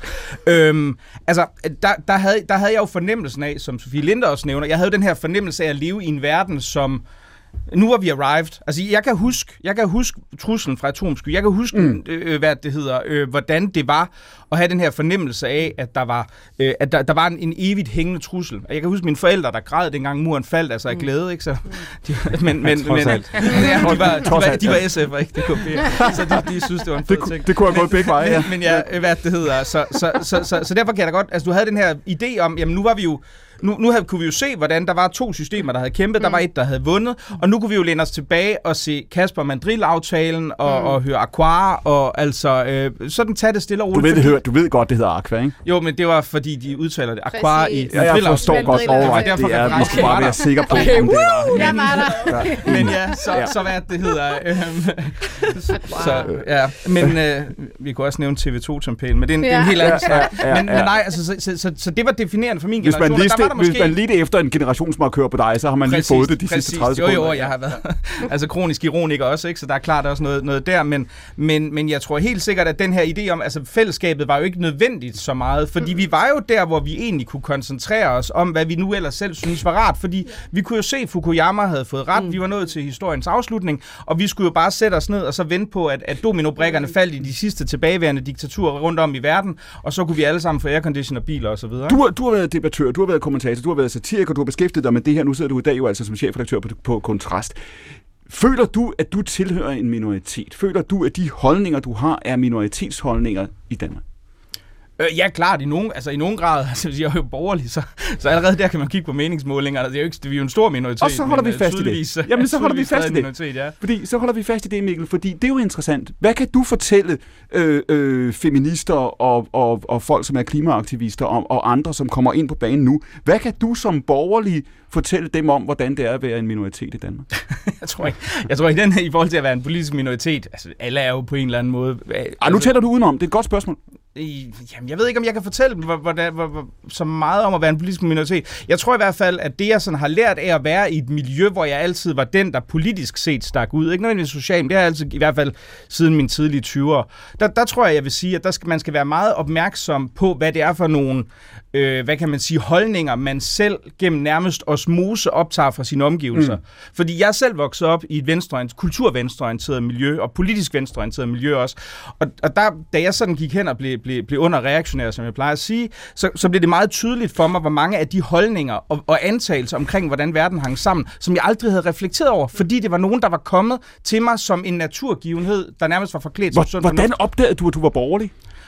Hvordan det starter gjorde sådan jeg noget? faktisk. Jamen, alle mærkelige ting kan jeg huske, at, øh, at det var sådan en lang rejse. Men, men, men, men hvis jeg skal lave et nedslagspunkt, så var det alle steder. Så var det, så var det Kosovo-krigen, hvor jeg egentlig mente, at det var, øh, det var ret... Jeg havde beskæftiget mig med folkedrab igennem længere tid der, og det var jo ret tydeligt, at, at øh, de, hvad det hedder, øh, serberne var i gang med at, at lægge an til, til et relativt voldsomt angreb her. Øh, og, og der kan jeg huske, at jeg diskuterede med en masse andre på venstrefløjen, hvor jeg sådan sagde, at måske var det meget fint, hvis NATO smed nogle bomber, øh, så man ligesom kunne stoppe det her. De var sådan, nej, nej, nej, vi skal, vi skal promovere fred og, og dialog, og hvor jeg var sådan, ja, men de viste måske i Srebrenica, at de ikke var så, det var selvfølgelig bosniske sager, men de, vi- at de måske ikke var så dialogvillige, de faktisk var mere villige til at slå folk ihjel. Og der kan jeg huske, der havde jeg sådan nogle brud- med, med, med folk på venstrefløjen der, og så kan jeg huske, at der kom også i forhold til Irakkrigen, som det er, en- er, erklærer jeg fuldstændig blank, der tog jeg helt horribel fejl, for jeg synes, det var en super god idé, ikke fordi jeg mente, vi skulle øh, ind og have olie eller andet, men jeg synes faktisk, at som, som totalitær diktator var, var Saddam Hussein helt i særklasse. Så det var sådan en lang rejse. Jeg var meget glad for, for, for en fyr, der hed Christopher Hitchens. Der, På det, der der, på for det der tidspunkt der med Jugoslavien først, hvor gammel er du der?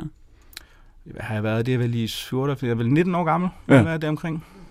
Og der siger du, og der opdager du, at du har nogle holdninger og har en oplevelse af verden, hvor, hvor du godt kan. Hvad, hvordan reagerer du på det, Mikkel, når du kan mærke, at du er den eneste i rummet, den eneste øh, til festen, den eneste i køkkenet, som har de holdninger? Hvad øh, forandrer det dig? Får det dig til at, at gå, altså går du Rasmus modsat, eller prøver du at nærme dig de andre? Hvordan reagerer du på det? Nej, det kommer an på, hvad for en kontekst det er, ikke? Fordi altså, jeg er jo ikke, det er jo ikke, fordi jeg har et problem med at, være, altså, at diskutere ting. Og det kan, jo være, det kan jo sagtens være sjovt at sidde til et eller andet selskab og sige, at jeg synes jo, at vi skal stoppe for asylmigration og familiesammenføring, og så fokusere på at lave en solidarisk ordning, der prioriterer folk i nærområdet. Et eller andet. Og så ved jeg jo godt, at alle sidder sådan helt, ah! Og, men så kommer vi også til at have en diskussion, der var to og en halv time. Ikke? Den vil jeg jo gerne tage, men der kan jo sagtens være kontekst, Du venter til hvor det måske ikke er det hyggeligste. Altså, men øh, så, så, så, så, så, på den måde tror jeg, at, at det, det afhænger meget af, hvad, hvad, hvad det er for nogle sammenhænge. Altså, jeg, men altså, generelt er det, at, oplever jeg ikke, det er så stort et problem i Danmark. Altså, vi har en i social sammenhæng, vi har en tolerance over for politisk dissidens, Men der når man egentlig ser- er ret stor. Når man ser på de, de du, du kunne jo have valgt alle mulige arbejdsliv, du kunne have valgt alle mulige positioner, også i mediebranchen. Det at sige, jeg vil debattere det her, jeg vil øh, sætte en dagsorden, det medie, du driver nu, Kontrast, vil sætte en dagsorden. Det er jo også et aktivt valg. Altså, du går tilbage til en, en, en kamp, hvor du meget ofte føler, du går ind som en minoritet, og du går ud som minoritet. Ikke? Ja, jo, absolut, absolut. Men jeg, det, det er heller ikke noget problem med. Altså, jeg har sådan en, altså, jeg har, jeg kan godt, altså, jeg har ikke noget imod at, at deltage i kampe, der ser svære ud. Jeg har heller ikke noget imod at, og, hvad kan man sige, at være på det tabende hold i nogle sammenhænge. Jeg har altså heller ikke noget problem med, med at erkende, når, når jeg har taget fejl. Øh, øh, men, men der er noget i min, jeg ved det ikke, altså der er en eller anden slags ting, øh, hvor jeg synes, det er skægt at være kontrær. Altså det at være, Men ikke, hvorfor ikke fordi, er du en minoritet? Altså, Ja, den, det- det, altså Mikkels holdning til, øh, øh, at det er en god idé at, øh, at give, øh, la- lad os lave lejre i nærområderne, i stedet for... Nå, men så lad mig, altså, så lad, så lad så lad mig sætte på det, det, det, spidsen. Jeg jeg, mener, vi, jeg en- mener, vi skal opsige øh, dele af FN's flygtningekonvention med henblik på ikke at modtage spontane asylansøgere i Danmark. det tror jeg sgu også, der vil være mange danskere, Det der er tror jeg, det, ja, det, danskere, det ved jeg ikke. Måske, altså det vil jeg det vil jeg i den grad håbe, Jeg- men der er i jeg hvert fald ikke særlig mange Det tror jeg, politisk, men, men i virkeligheden peger det bare Jeg på... tror, man skal vælge et andet det- emne, hvis man skal være på tværs. Præcis, det på, peger bare på, at, at det er sjovt, at, at, at logikken er her. Det der, du repræsenterer der, det er at være imod. Ja. Nej, det er at være imod øh, mennesker, der bor ude for fatterkvarteret i Valby og, enig. og går i det kongelige teater. Jamen, det- det er pointen- overhovedet ikke at være imod. Det der, det er, det er mainstream Det er fordi, Danmark. det der er med jer to, Lea Korsgaard fra, fra Sætland og Mikkel Andersen fra Kontrast, I skal bytte middagsselskaber. Så vil I opleve, at I er... Nej, Du ja, vil blive overrasket over, hvad der bliver sagt til mine middagsselskaber. Nej, det er mere den, altså den her forestilling. Det, Ja. ja. det, der, det der, det er ikke en minoritet. Nej. Øh, og, og, og problemet er, når vi her i København og Medie Danmark mm. antager, Præcis. at det der det er en minoritet. Jamen, måske, måske har du ret. Måske er det, er det også meget symptomatisk for, for de kredse, som jeg færdig i. Jeg vil nu dog sige lige den med konventionerne, om det er det. Det er et godt spørgsmål. Vi må jo bare sige afspejlet på Christiansborg, er det i hvert fald en minoritetsposition, mm. trods alt. Men, men jeg antager, at pointen er meget god. Altså, det, jeg synes jo også, det er sjovt. Jeg, jeg, jeg stod sådan lidt og tænkte over det her, vi nævnte. Nu, nu stod vi og snakkede om, om badehotellet før, ikke? Og vi alle sammen sådan, vi bliver alle sammen sådan helt enige om at stå og tænke, det er sjovt. Det er sjovt, du godt kan lide at se badehotellet. Ja, ikke? ja. Fordi vi ved godt, Det er jo at vi har det helt, intu- vi har det Ja. helt intuitivt under huden, at vi står som fire mennesker, der godt ved, at badehotellet er sådan lidt kitschet. Matador kunne gå an, at vi oprigtigt var begejstrede for det, men badehotellet, ah, well, lige folkeligt nok, ikke? Og den, de, de, de sociale koder har vi jo alle Men sammen under Jamen, ligesom, sammen, ligesom at Clement antager, at jeg ikke er enig med dig omkring øh, FN's flygtningekonvention, hvad jeg tror, jeg er. Altså, det er bare sjovt, at vi Awesome. har... Ja, at, vi, at vi har den her... Øh, der, der, er, der er virkelig sådan herskende logik Men- i Præcis, Medie Danmark, ja. som, som vi skal passe Men det- sindssygt men meget det på jo- bare at antage eller Men det er har. jo interessant det her, Mikkel Andersen, fordi dermed, du har lige vir- i virkeligheden medgivet, eller sagt, at Lea har ret, at du sidder også inden for den samme, altså den samme elitære cirkel. Jamen, det gør jeg i høj grad. Altså, det, vil jeg, det vil jeg til hver en tid medgive. Ja, selvfølgelig. Altså, det, det synes jeg også, som vi stod og snakkede om. Altså, de mennesker, som vi har snakket om, som, som er redaktør på henholdsvis Ekstrabladet og alt muligt andet, så, jeg har arbejdet sammen med dem, jeg kender, vi har, de, vi har utvivlsomt et stort, betydeligt, hvis man lavede sådan nogle Venn-diagrammer over vores sociale omgangskreds, så vil du sikkert kunne finde og, altså både romantiske og sociale og bekendtskabsmæssige og professionelle relationer på kryds og tværs. Og men så er vi, et- undskyld mig, så er vi også tilbage ved hele udgangspunktet, nemlig at den rekruttering, der foregår, den er simpelthen så indspist, mm. som man overhovedet kan blive. Og det er jo det, der også er, er et hele problemet, det er, man mangler i virkeligheden i mediebranchen, også det, det du siger, Sofie, man mangler noget frisk luft. Altså man mangler kraft af, der kommer en eller anden øh, brise fra mm. Vesterhavet og får tømt lidt ud i det. For vi bliver meget de samme, og hvis vi ikke er de samme, så ender vi med at tale os frem til, at vi alligevel er ens. Men Men hvad er det så? sammen, fordi, fordi Og vi er det ikke er det samme. et- Folk, folk er jo opvokset Nej. i, i, og folk i den danske mediebranche. Rigtig mange har gået til håndbold i Kolding.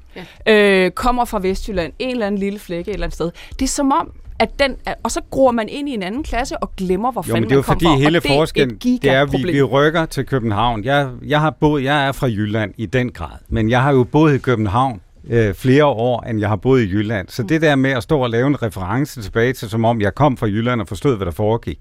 Altså, det er jo sådan, det lyder Nå, bare- meget godt, men det er måske ikke sådan helt Jamen, tag, skarpt tag, som, tag som eksempel den her dag, ikke? Det, der, det der florerer på den store dagsorden i de, i de store medier, det er øh, Finsen selvfølgelig og, og efterretningstjenesten medgivet sindssygt vigtig sag. Ikke? Øh, og hvad har vi ellers af af store sager? Det, som jeg tror optager rigtig, rigtig mange danskere de her dage, det er deres elpriser. Ja. Det er, at elpriserne er stukket fuldstændig af, og det er blevet 40 gange så dyrt, eller noget af den stil, at, at, at briste sit brød. Ikke? Øhm, og Altså, og der, der, vi, der mangler den der forbindelse til, til, til det der øh, øh, håndbold, uden at være nostalgisk omkring det overhovedet, men det der håndbold Danmark, øh, øh, den, den der øh, eftermiddag i hallen, hvor det der, det er det, der bliver Det er snakket jo om, godt i stedet det her, for Finsen. Linde, fordi det er, man kan sige, Danmark er, det, vi kan godt tale om forskellen, hvor stor forskel der er i Danmark. Nogen vil kigge på Danmark og sige, I er utrolig ens. I virkeligheden er afstanden der, hvor du voksede op, ikke? Altså til København. Hvor lang er afstanden derfra, hvor du voksede op til, til jeg sagt, den verden, vi befinder os i nu? Oplever du, at det er to forskellige verdener, eller det har været en lang rejse? Mm. Nej, det ved jeg ikke nødvendigvis, om jeg gør. Men jeg synes i hvert fald, at øh, i mine bekendtskaber, hvor der er en stor del, der er blevet i, i en lille provinsby, hvor jeg kommer fra, mm. øh, der er de blevet og har fået børn lidt før os andre, og så var der mig, der flyttede herover sammen med nogle af de andre fra gruppen. Bevares, sådan er det jo. Øh, men det er jo meget sjovt, hvis vi skal gøre det konkret, så når vi taler om den periode, vi har været inde på lidt tidligere, da jeg meldte mig ud i den offentlige debat og talte om feminisme, så mine veninder i København har slet ikke opfattet det som Jamen, det kan jo ikke have været svært at opleve, fordi hvad er der at diskutere? Hvor mine veninder i Jylland mm. Ringede lige med det samme og sagde, hold da kæft, min far er så sur på dig. Mm. Tænk, du ødelægger livet for så mange mænd. Altså den, den klassiske rulle. Altså, så, så der er en forskel, og jeg, og jeg synes, Lea har fuldstændig ret i. Altså, det er jo lige præcis den her diskussion. Hvad er Danmark? Hvem er Danmark? Mm. Øh, vi skal have i mediebranchen langt oftere, end vi gør, for jeg tror, vi laver nogle øh, selvskrevne antagelser, ja. øh, som, øh, som videreføres igen, generation for generation. Vi flytter til København, vi tjener nogle penge, mm. vi bliver en type mennesker, og det er os tilbage til, det er os, der har magten til at beslutte, hvad er vigtigt, hvad er ikke Så vigtigt. du siger i virkeligheden, hvis det er rigtigt, det du lige har sagt, Sofie, mm. så ligger den rigtige kamp, hvis det er rigtigt, hvad du siger, så ligger mm. den rigtige kamp ikke her. Det ligger ikke i studierne i DR-byen, og det ligger ikke her, hvor vi siger, så siger du, så er, altså det, det Men jeg tror sagtens, den kan ligge her. Ja. Ja. Men vi skal tage den her diskussion, vi tager lige nu om, hvem er det, vi taler til. I, Dan, øh, I Danmarks Radio og på TV2, når vi laver fjernsyn, så taler vi om, hvem er kerneseeren. Jamen, det er Ellen, hun sidder der, hun er så og så gammel, øh, og hun øh, elsker at bruge sit fjernsyn onsdag aften, fredag aften, lørdag aften. Hvad vil hun gerne have? Så har vi lavet nogle målinger ud for det. Men, men det er en distanceret Ja. forhold til Ja. den danske ja. befolkning, og vi er nødt til at være mere i kontakt med, hvad er det, der foregår? Hvem er danskeren? Fordi øh, jeg, jeg er fuldstændig enig i Leas betragtning om, jeg tror ikke, du er en politisk minoritet. Jeg opfatter mig selv som en minoritet i forhold til at være øh, øh, feminist. Øh, ikke når jeg går ned ad Østerbrogade, men bestemt, når jeg... Øh, bestemt, når jeg går ned ad Odd og Gågade. Men problemet kommer helt klart ind, ja. Der hvor man bliver nødt til at, at lave, lave de mennesker, man er her for, til, til sådan en skabelon, Ja, der hedder, le, øh, netop, der hedder. Lone, og som ser fjernsyn på et Vi bestemt tidspunkt. fast i det, Det, du- det, det, det, det er der, øh, det der Du siger, Sofie du ned- verdensfjernheden begynder. Går du ned ad Østerbrogade, så er du ikke, en, du er ikke den eneste feminist på Østerbrogade. Nej. Men måske på Oddergågade. Det kan jeg jo ikke sige noget om, men det er altså meget, et meget malet billede. Ja, der er Om det kan bare... væsentlig det, forskel. Man kan, man kan ikke generalisere på Nej. den måde, men der er... Nej, for de bor også i Thy, og Det bor- ja, ja. og, og Ja, ja, Svendborg, hvad fanden ved. Ja, og det Lad os lige høre Mikkel Andersen. Mikkel Andersen, den, den ligestillingsdagsorden, specifikt ligestillingsdagsorden, specifikt spørgsmålet om, ser man kvinder nok? Anerkender man kvinder nok? Hvad er det udtryk for, hvor mange kvinder, der sidder i hvilke folketingsudvalg og på hvilke chefredaktørposter? At, er det er en debat, der kommer til at fylde i de kommende år? Ja, det tror jeg i høj grad. Altså, det, det tror jeg absolut. Altså, jeg tror, jeg tror, det er vigtigt, at man skal s- se det ad. Altså, det er, jo, det er jo to dele af samme kompleks, ikke? Men vi er, altså, fordi man kan sige, der er, der er hele MeToo-debatten, som, som Sofie jo i den grad har sat, sat gang i og fået på dagsordenen, som bliver perifært knyttet, men også i nogen grad vævet sammen med en, med en identitetspolitisk tendens. Mm. Og det er to lidt forskellige ting, Hvis jeg som, dig som, jeg, som, jeg vil, som jeg godt mener, man bør adskille Men- en lille smule, Ja. fordi det ene er noget med repræsentation, mm. det andet er noget med noget, Men der er overgreb eller social Det er også det, jeg prøver, jeg prøver, jeg prøver lige at skære ind her. Ja. Ja. Når jeg spørger dig specifikt omkring det der med, hvor ser man kvinder på hvilke poster, i hvilke folketingsudvalg, i hvilke, øh, du ved, professorater, på hvilke festivalplakater, kommer den diskussion specifikt Ja, til at ja, fylde? den kommer til at fylde. Den kommer, den kommer, mm. den kommer, det kommer den også til i forhold til seksuelle minoriteter, det kommer den for, mm. til i forhold til øh, både muslimer og folk med, med hudfarve, alt muligt andet. Altså det kommer mm. til at være en af de store ting. Altså fordi vi, er, vi lever i en tid, hvor den her identitetspolitiske bølge, jeg Men ved ikke, om ser- den er knækket endnu, men, den, men den er, hvis, hvis, hvis tingene går, som de Men plejer, du så er ser- der en del på vej Men det er interessant, Mikkel, fordi du, du ser det som en del af en identitetspolitisk bølge, ikke? Du siger, når man Jo, lige repræsentation, repræsentationsdagsordenen, ja, MeToo-diskussion ikke så meget, Nej. men altså, det, så, så det, igen, det er derfor, jeg prøver at adskille det, ikke? Ser du det også sådan, Sofie Linde? Altså ser du ligestillingen som en, en del af en bredere diskussion omkring repræsentativitet, demokrati Ja. og gener- Ja. okay. Ja, jeg synes, altså øh, ind under det, vi kalder for MeToo-bølgen, der er der kommet en masse andre diskussioner, som har ændret måden, jeg taler på, måden, jeg tænker på også, altså mm. i det små. Men nu øh, laver jeg X-Factor, og der er jeg jo begyndt at spørge om pronomer øh, mm. hos øh, øh, deltagerne. Øh, øh, vi op, småjusterer hele tiden, så jeg tror også, altså det var, det var starten til at blive meget klogere på alt muligt andet. Altså, i, øh, og, og, og, og så igen, så kommer der jo nogle stemmer nedefra, og det er dem, der primært bærer det Og når lige du nu. oplever, når du, og når du oplever, der er ting, du er blevet opmærksom på, hvor kommer det så fra? Altså, hvad forholder I jer til der? Tænker du, når det kommer, jeg sagt, fra Østerbrogade eller fra Oddergågade? Det kommer nok fra Østerbrogade. Altså, fordi, eller fra de unge. Altså, det, det ved jeg ikke, men det, jeg, jeg synes jo, altså, helt konkret, det er faktisk et meget sjovt eksempel, at vi øh, laver X-Factor, og øh, her møder vi jo alle generationer øh, fra alle dele af landet, og der har vi så øh, truffet en beslutning om, fordi øh, vi ikke har gjort det tidligere, at vi er nødt til at spørge om folks pronomer. Hmm, øh, ja, ja. Men, men det er et meget ja. godt billede Ja. på, at Tingene er skrevet. Ja, Altså, i tingene er skred, og, og det, det er jo i de små detaljer, men det er alligevel noget, som jeg ikke har skænket en tanke for to år siden. Mikkel Andersen, hvor, hva- hva- hvordan kommer den diskussion til at udspille sig? Fordi du siger, at det her det kommer til at fylde. Øh, jamen altså, altså, man kan jo sige, det kommer til at... Pronomediskussion ved jeg ikke, det er, men altså, med den grundlæggende identitetspolitiske tænkning baserer sig jo på, at man tilskriver seksualitet, køn, øh, hudfarve, i lidt mindre grad etnicitet, en meget, meget stor og næsten alt definerende betydning. Så for mig at se, altså, er det et, et spørgsmål om, at man fører, og, og, og, og det ironiske er, at det kommer fra venstrefløjen. Det plejer at være højrefløjen, der betonede netop vigtigheden af de her ting mm, i, i, i gamle det er dage. Ja, ja. Og, og, og for mig at se som, som, hvad kan man sige, universalist, altså jeg er måske blevet mere konservativ på mine gamle dage, men jeg er stadigvæk en, der, der, der grundlæggende set har en, Hvornår startede dine gamle dage, Mikkel Andersen? De startede tidligt, jeg ikke? tror det var omkring 93 eller sådan noget i den stil, men det var lige, lige der omkring. Men, men, men ja, men jeg har jo altid, altså jeg har jo sådan en idé om, om, om troen på det definerende, eller det ideelle samfund, der flugter med den her fortærskede tale fra Martin Luther King om, at han har en drøm om, at one day his, his four little children will be judged by the content of the character instead of the color of their skin. Jeg synes, vi er ved at ende i en situation, hvor der er stadig flere af de selverklærede progressive, der forsøger at trække debatten hen til et sted, hvor man siger, nej, nej, det er ikke sådan en verden, vi vil have. Vi vil have en verden, hvor du faktisk skal vurderes på dit køn, hvor dine kvalifikationer er en funktion af dit køn, af din hudfarve, af din seksualitet. Det synes, det- det, det- jeg, det, synes jeg er et uhyggeligt jeg, jeg, jeg oplevede det meget tydeligt, det der, da jeg blev øh, formand for Zetland. Øh, hvor jeg oplevede, faktisk især hos mange kvinder, der, øh, der sagde, til, der sagde med kritisk røst, hvorfor kalder du dig selv formand? I stedet for at sige, fedt du er blevet formand. Og øh, så sagde de, hvorfor kalder du dig selv formand? Altså underforstået, du skal tage på dig at du er, at du er, at nu kommer identiteten kvinde, eller identiteten person. Vi kan, ikke- vi kan ikke have, at du hedder mand, ikke? Og jeg er sådan, hvad fanden, går, går hele det her ikke ud på, at vi skal kunne lidt frit, om jeg vil kalde mig selv mand eller kvinde, jeg skulle da ligeglad. Altså, og det, det, det var bare et meget sjovt eksempel på den der sådan, du, du skal tage på dig, du skal tage din identitet på mig. Hvad hvis nu jeg føler mig lidt som mand?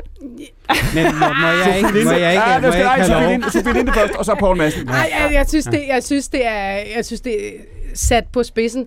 Altså, jeg, synes måske også bare lige, vi skal minde hinanden om, at de her spørgsmål og den måde, vi øh, øh, begynder måske at moderere os lidt ind i, hvad man måske vil kalde en udvikling, dels af sproget, dels af måden, vi er sammen på, stammer jo fra os selv. Det er os, der er også begyndt at tage nye emner ind. Øh, det er, jeg har lige haft et underholdningsprogram med en dreng på 8 år, der gerne vil være Danmarks yngste, nej, han var ikke 8, et 12 år, der gerne vil være Danmarks yngste, drag queen. Det kunne jeg slet ikke se for mig blive pitchet ind for fem år siden. Mm. Så, så på den måde... fedt. Det er jo sindssygt fedt. Det er jo sindssygt fedt. Ja. Altså, og jeg tror, sådan er det jo bare. Når noget er i udvikling, så vil der altid være nogen, der ligger armene over kors. Og jeg er også feminist, men jeg er ikke enig i alt, hvad du siger, bare fordi du har en tissekone. Altså, og, den, og, og de der snakke er vi jo i gang med at tage lige nu, hvor vi finder vores egen Men plads de- til det på et tidspunkt. Er fuldstændig naturligt, at du starter med at spørge os, hvilke pronomen bruger I videre. Men når, når du får mails og beskeder, det forestiller mig, at du får en del af fra skoleelever, ikke? Ja. Og gymnasieelever og andre, ikke? Der Jo. kommer en del af det, hvor de skriver, kære Sofie, vi skriver Ja. opgave sådan og sådan. Ja. Der må være mange af dem, der siger til dig, øh, øh, du har vist os noget, vi ikke vidste. Også omkring specifikt mænd og kvinder, ikke? Det tror jeg ikke. Det tror du ikke? Nej, altså alt. Det, det, det er jo meget skægt, fordi nu har jeg jo altså på, på min mobiltelefon, som er primært er der, hvor jeg modtager kritik og øh, øh, det folk nogle gange kalder for efterkritik, som i virkeligheden bare er tilsvinelser. Jeg har fået én strid besked fra et ungt menneske. Hmm. En. Interessant. Øh, jeg har fået ondskabs... De aller ondeste beskeder er fra kvinder. Øh, 40 op. Øh, og, Hvad skriver de? Jamen, øh, at de håber, at mine børn går ud foran en bus, at jeg er dårlig og ødelægger livet for rigtig mange mænd. Altså, i virkeligheden, så er det jo det, jeg mener med at lægge armene over kors. Fordi de, de har jo ikke lyttet efter. De har jo ikke sat sig ned og hørt, hvad jeg rent faktisk siger. Og nu lige præcis mit navn. Øh, mit, jeg har jo faktisk ikke udtalt mig særlig meget, fordi det har været lidt hårdt, og jeg har holdt øh, pause fra det, og jeg er blevet mor og alt muligt andet, og jeg tror heller ikke nødvendigvis, mit navn gavner i alle diskussioner omkring feminisme. Øh, men mit billede kommer tit på, når der bliver talt om feminisme eller MeToo. Så hver gang der er en personlighed, som har måttet afvige pladsen for en ny øh, scene Styrby, så er det også mit billede, der kommer på til en start eller i en artikel. Og så får jeg for dem, der gør sådan her, øh, læser artikler, altså op fra ned, Ja. lynhurtigt, skimmer, men ikke går i dybden, øh, skylden. Og jeg tror rigtig mange i forhold til de her udviklingsspørgsmål, som vi taler om lige nu, er, er oplyst på den måde, at det her, de på forhånd sagt, det der, det, det vil jeg slet ikke sætte mig ind i. Hvad siger Michael Andersen, når du siger før, at det her det kommer til at fylde, og det er også noget, vi bliver uenige om. Specifikt, lad os lige prøve at holde fast i, i, i ligestillingsperspektivet her. Altså, dem der siger, kvinder er ikke blevet set, og kvinder fylder ikke, hvad de burde gøre, og det er udtryk for, at der er en kollektiv blindhed. Det er udtryk for, at vi har bestemte forventninger til, hvad drenge skal, bestemte forventninger til, hvad piger skal, som forplanter sig ned gennem systemet. Er det forkert? Ikke fuldstændig, men i vid udstrækning ja. Altså det er det. Altså i- Danmark lever vi i et samfund, hvor man kan sige, at du har muligheder for at uddanne dig til de forskellige ting. Betyder det, at der ikke finder sexisme sted og alt muligt andet? Selvfølgelig gør det ikke det. Det, det findes der der, og, og, og det er der sandsynligvis også mere massivt, end hvad det tidligere har været, og derfor er det også fint, selvom vi mangler et stort overblik over det, at der kommer de her fortællinger frem. Øhm, men jeg synes da klart, i forhold til vores grundlæggende mulighed for for kvinder at gå ind og, og betjene øh, ledelsesstillinger. Står, vi står her i en medieverden, vi står i et hus med Marie Rørby Røn, er den øverste chef, vi har ledere, kvindelige ledere på TV2, vi har haft, jeg ved ikke hvor mange kvindelige chefredaktører. Sandt nyhedsdirektør. Der er nærmest kun Altså, kvinder der- på de der- øverste poster altså, herinde. altså, jeg har sådan lidt den der fortælling om, at kvinder bliver strukturelt udgrænset, synes jeg er, er, er, er dybt bizarre. Altså, jeg tror, jeg, altså, jeg, jeg, tror, jeg vil jo sige, at der, der ser Men hvad er inden det for en fortælling? Hvem er kommet med den det er fortælling? den Clem lige har præsenteret mig for at bede mig om at forholde mig til, så det er jo så ja. det, jeg gør. Jamen, Lea Korsgaard, du er nu jo også bestyrelsesformand på, på DLH. Hvem, er, er, er det rigtigt, hvad Mikkel siger? Øh, både ja og nej. Øh, jeg, strukturel ulighed tror jeg nærmest ikke, der findes den her. Altså, der, der, vi, har, vi har jo ikke nogen... Øh, vi, ifølge loven må vi ikke blive diskrimineret. Øh, øh, og, og i den forstand lever vi jo i et frit land, hvor enhver kan gå hen og sige, jeg vil gerne være kæmpe boss. Kulturelt tror jeg stadigvæk, vi har et efterslæb. Øh, og dermed også en forestilling hos både mænd og kvinder, og hvem der end måtte ligge inde i feltet mellem, øh, der siger, det er ikke lige så naturligt, at jeg bliver chef, som at manden ved siden af mig gør. Da jeg var på politikken, så tager øh, Stig Ørskov, der på det tidspunkt var min chefredaktør, mig med hen og drikker kaffe på, i studiestrædet, og så siger han, hvad drømmer du om? Hvis du skal prøve sådan at forestille dig, i den vildeste verden, hvad kan det blive til det her? Mm. Og så sidder jeg bare sådan, for det første, fuck mand, det ved jeg sgu ikke, ikke? Øh, og for det andet, okay, jeg, jeg må sige et eller andet, så siger jeg, jeg drømmer om at blive souschef på kulturredaktionen på politikken, ikke? og så Ja. kiggede han fuldstændig lamslået på mig, og sagde, du måtte sige hvad som helst. Altså, hvad, du kunne sige chefredaktør, du kunne sige statsminister, og så siger du det der, ikke? Og det havde han jo ret i, og det, det, det tror jeg havde noget at gøre med, Ja. ja. at jeg er kvinde. Det tror jeg.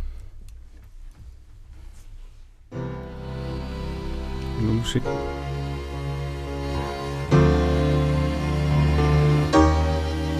Oh yeah.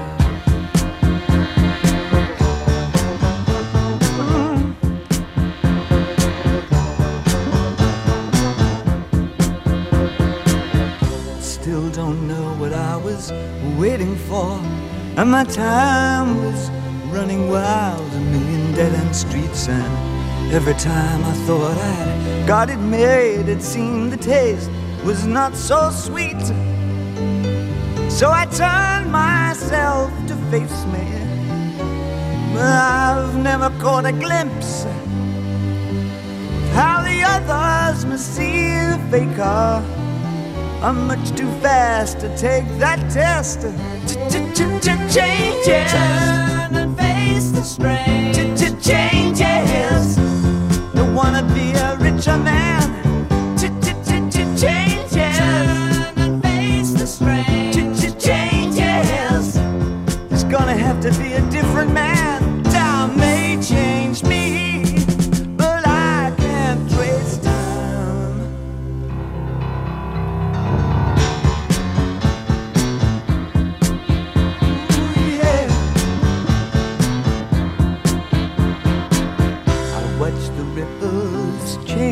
But never leave the stream of warm and permanent sand.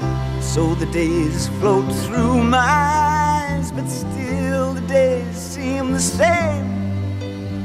And these children that you spit on as they try to change their worlds are immune to your consultations. They're quite aware of what they're going through. Changes. and face the strain.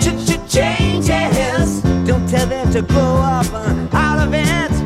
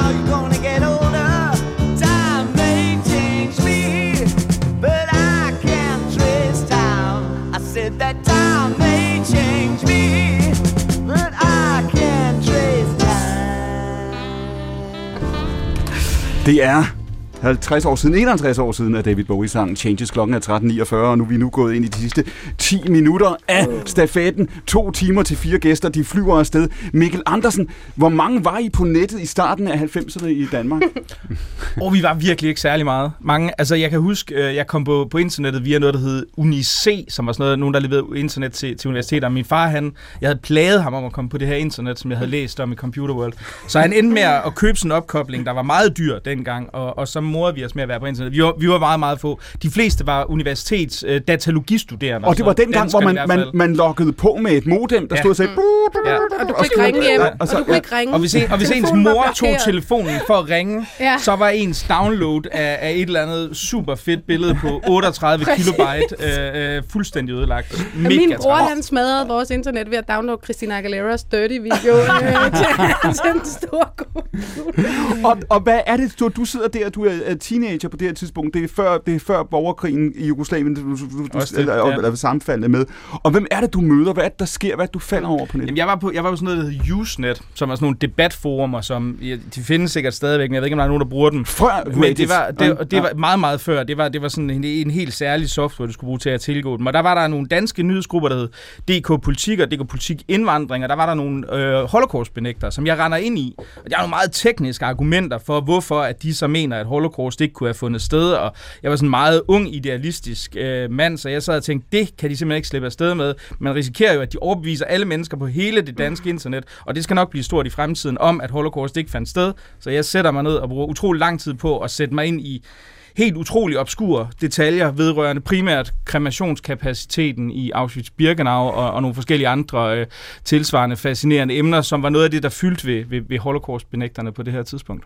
Hvad lærte du om, om det? Fordi man kan sige, nu det er jo, altså det er historie nu, ikke? Det er 30 år siden. Hvad lærte du om det i forhold til, hvor nettet er nu, hvor debatkulturen er nu?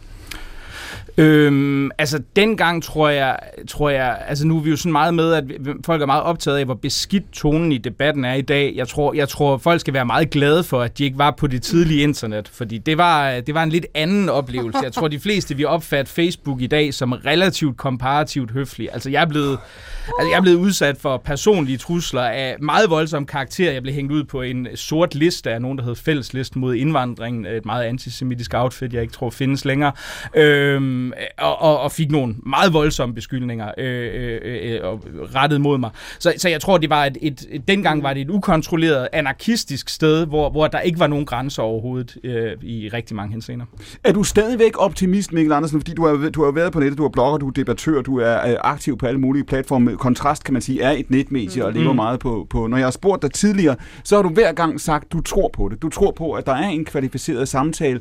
Du tænker, der skal nok ud af, af det, der foregår på nettet i de her år, øh, komme, øh, vokse mm. en, en kvalificeret debat. Det skal nok gå. Jamen, jamen, altså jeg synes jo, det er jo ikke som om, at jeg synes, altså, øh, altså for det første tror jeg, når du siger kvalificeret debat, så har man altid sådan en eller anden, en eller anden idé om, at der findes en eller anden beleven, øh, øh, øh, hvad det hedder, kaminpassiar, hvor folk sidder og siger, jeg hører deres synspunkt, noble herre, jeg anerkender dets kvalitet og sådan noget. Den tror jeg Altså ikke, ligesom den, på P1. Det, det, det, det, det, det, du siger, ikke? Ja, ja. Nærmest det samme. Ja. Øh, men, men, og den tror jeg aldrig, du kommer til at se. Men jeg tror til gengæld, at sociale medier har været med til at demokratisere en masse, mm. og gøre en masse samtaler synlige, som ellers kun var holdt i meget, meget små og lukkede rum. Og det har gjort det muligt for, for, for mennesker at se politikere og meningsdannere og alle mulige andre og kunne udfordre dem på deres argumenter i en masse samfund. Og sammenhæng, det er godt. Men der, hvor jeg måske er blevet mere pessimistisk, det er for de sociale mediers påvirkning af øh, folks psyke. Det, det, der tror jeg, de, det, der er måske blevet mere sådan, øh, det kan måske godt gå hen og have Hvad nogle negative konsekvenser. Ja, når du kigger på, og det, når du kigger på, hvordan udviklingen hos unge har været i deres psykiske mm. velbefindende, så ser du altså en, en, et fald, særligt ved piger, øhm, fra de her, så vidt jeg husker, 12-13 år, og det passer meget godt med fremvæksten af sociale medier. Ja. Og jeg ved godt, korrelation er ikke kausalitet og bla bla bla, men det er, men det er meget påfaldende, fordi du, du kan simpelthen se, at der er nogle ting i forhold til velbefindende. Og det, det er klart, at man kan sige, at du flytter flytter mere social aktivitet over på et område, øh, der er selvfølgelig, hvor du kan kommunikere meget mere bredt og med mange flere.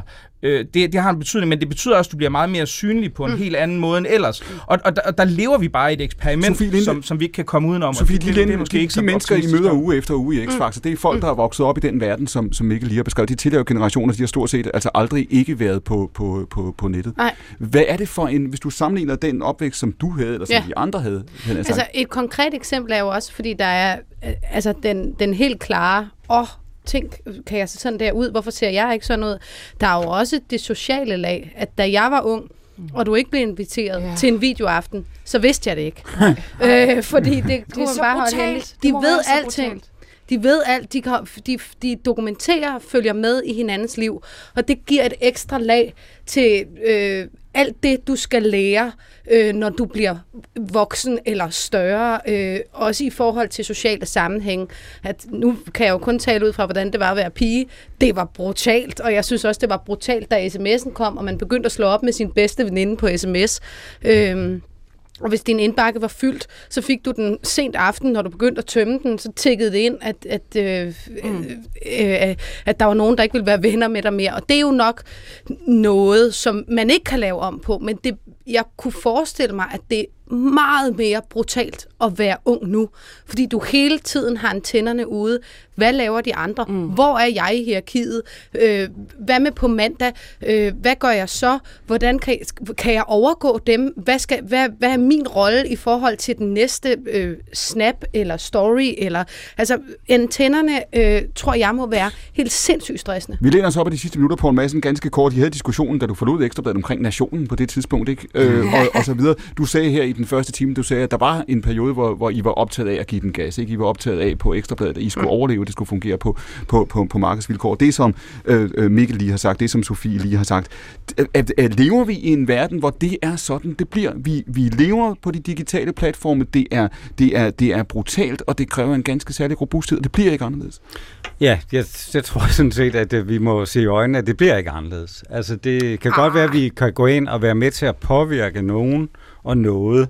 Men der vil også være en generation, øh, som er enormt følsom over for de her ting, og bliver kun mere følsom.